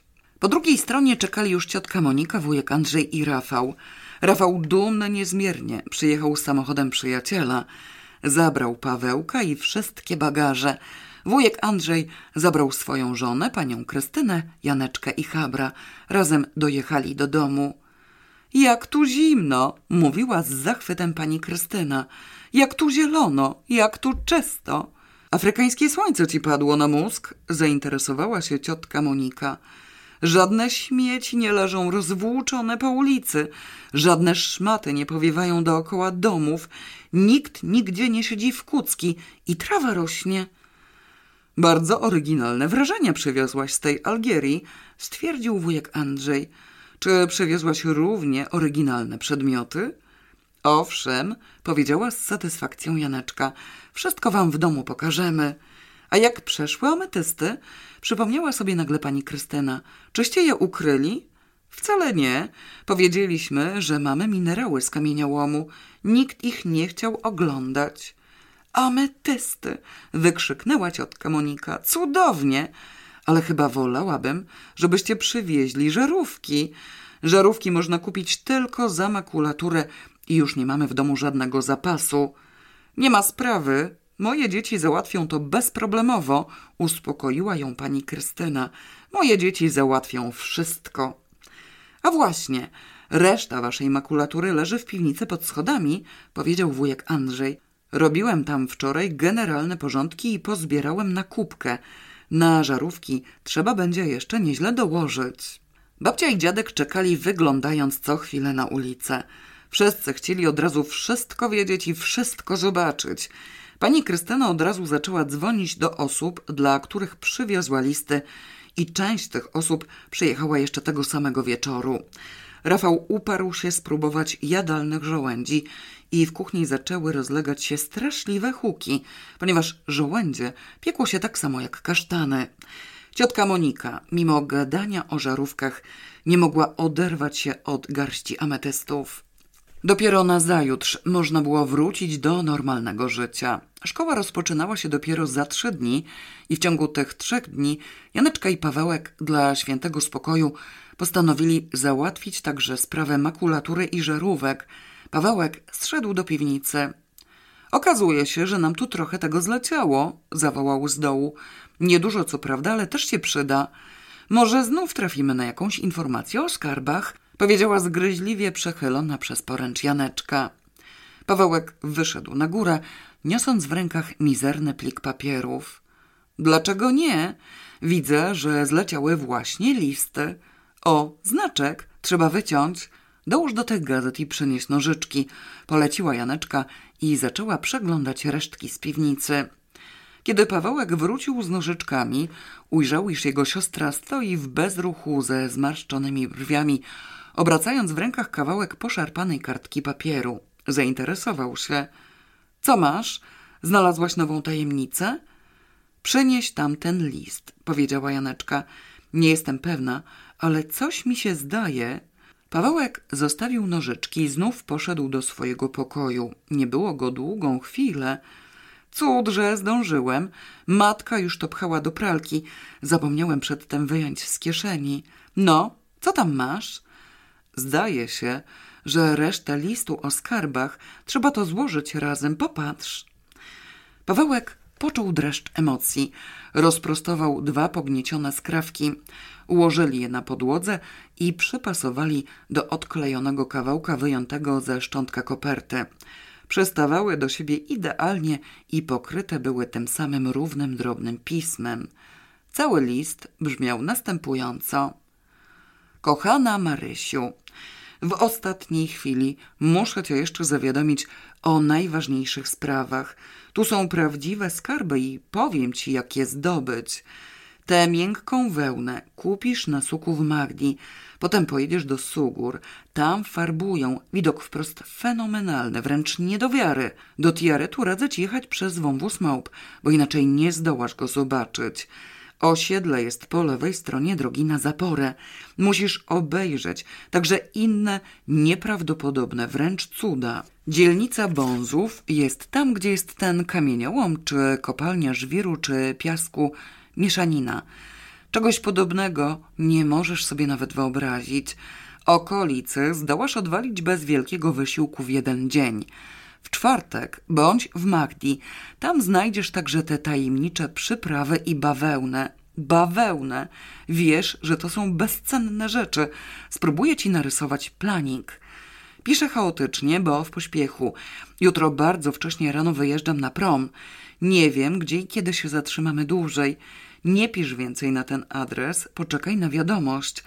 Żywię nadzieję, że ten list cię zastanie i że twój były mąż go nie zaprzepaści. W końcu będziesz tu tylko tydzień, ewentualnie możesz pisać na postrystant. Zacznij zaraz. Poczta Główna Toronto. Poczta Główna jest wszędzie. Całuję, twoja Beata. Janeczka i Pawełek przeczytali tę korespondencję trzy razy. Trwało to dość długo. W końcu podnieśli głowę i popatrzyli na siebie.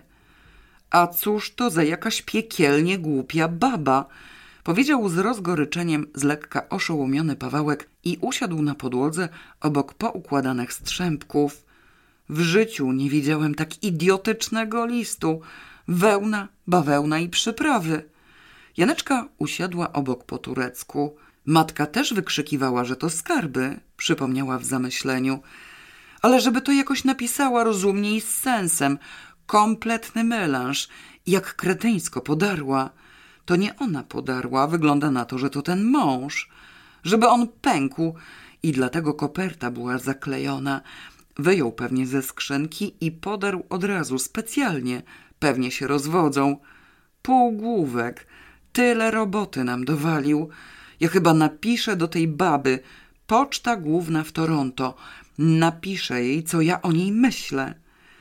Janeczka patrzyła przez chwilę na pomstującego i zirytowanego Pawełka.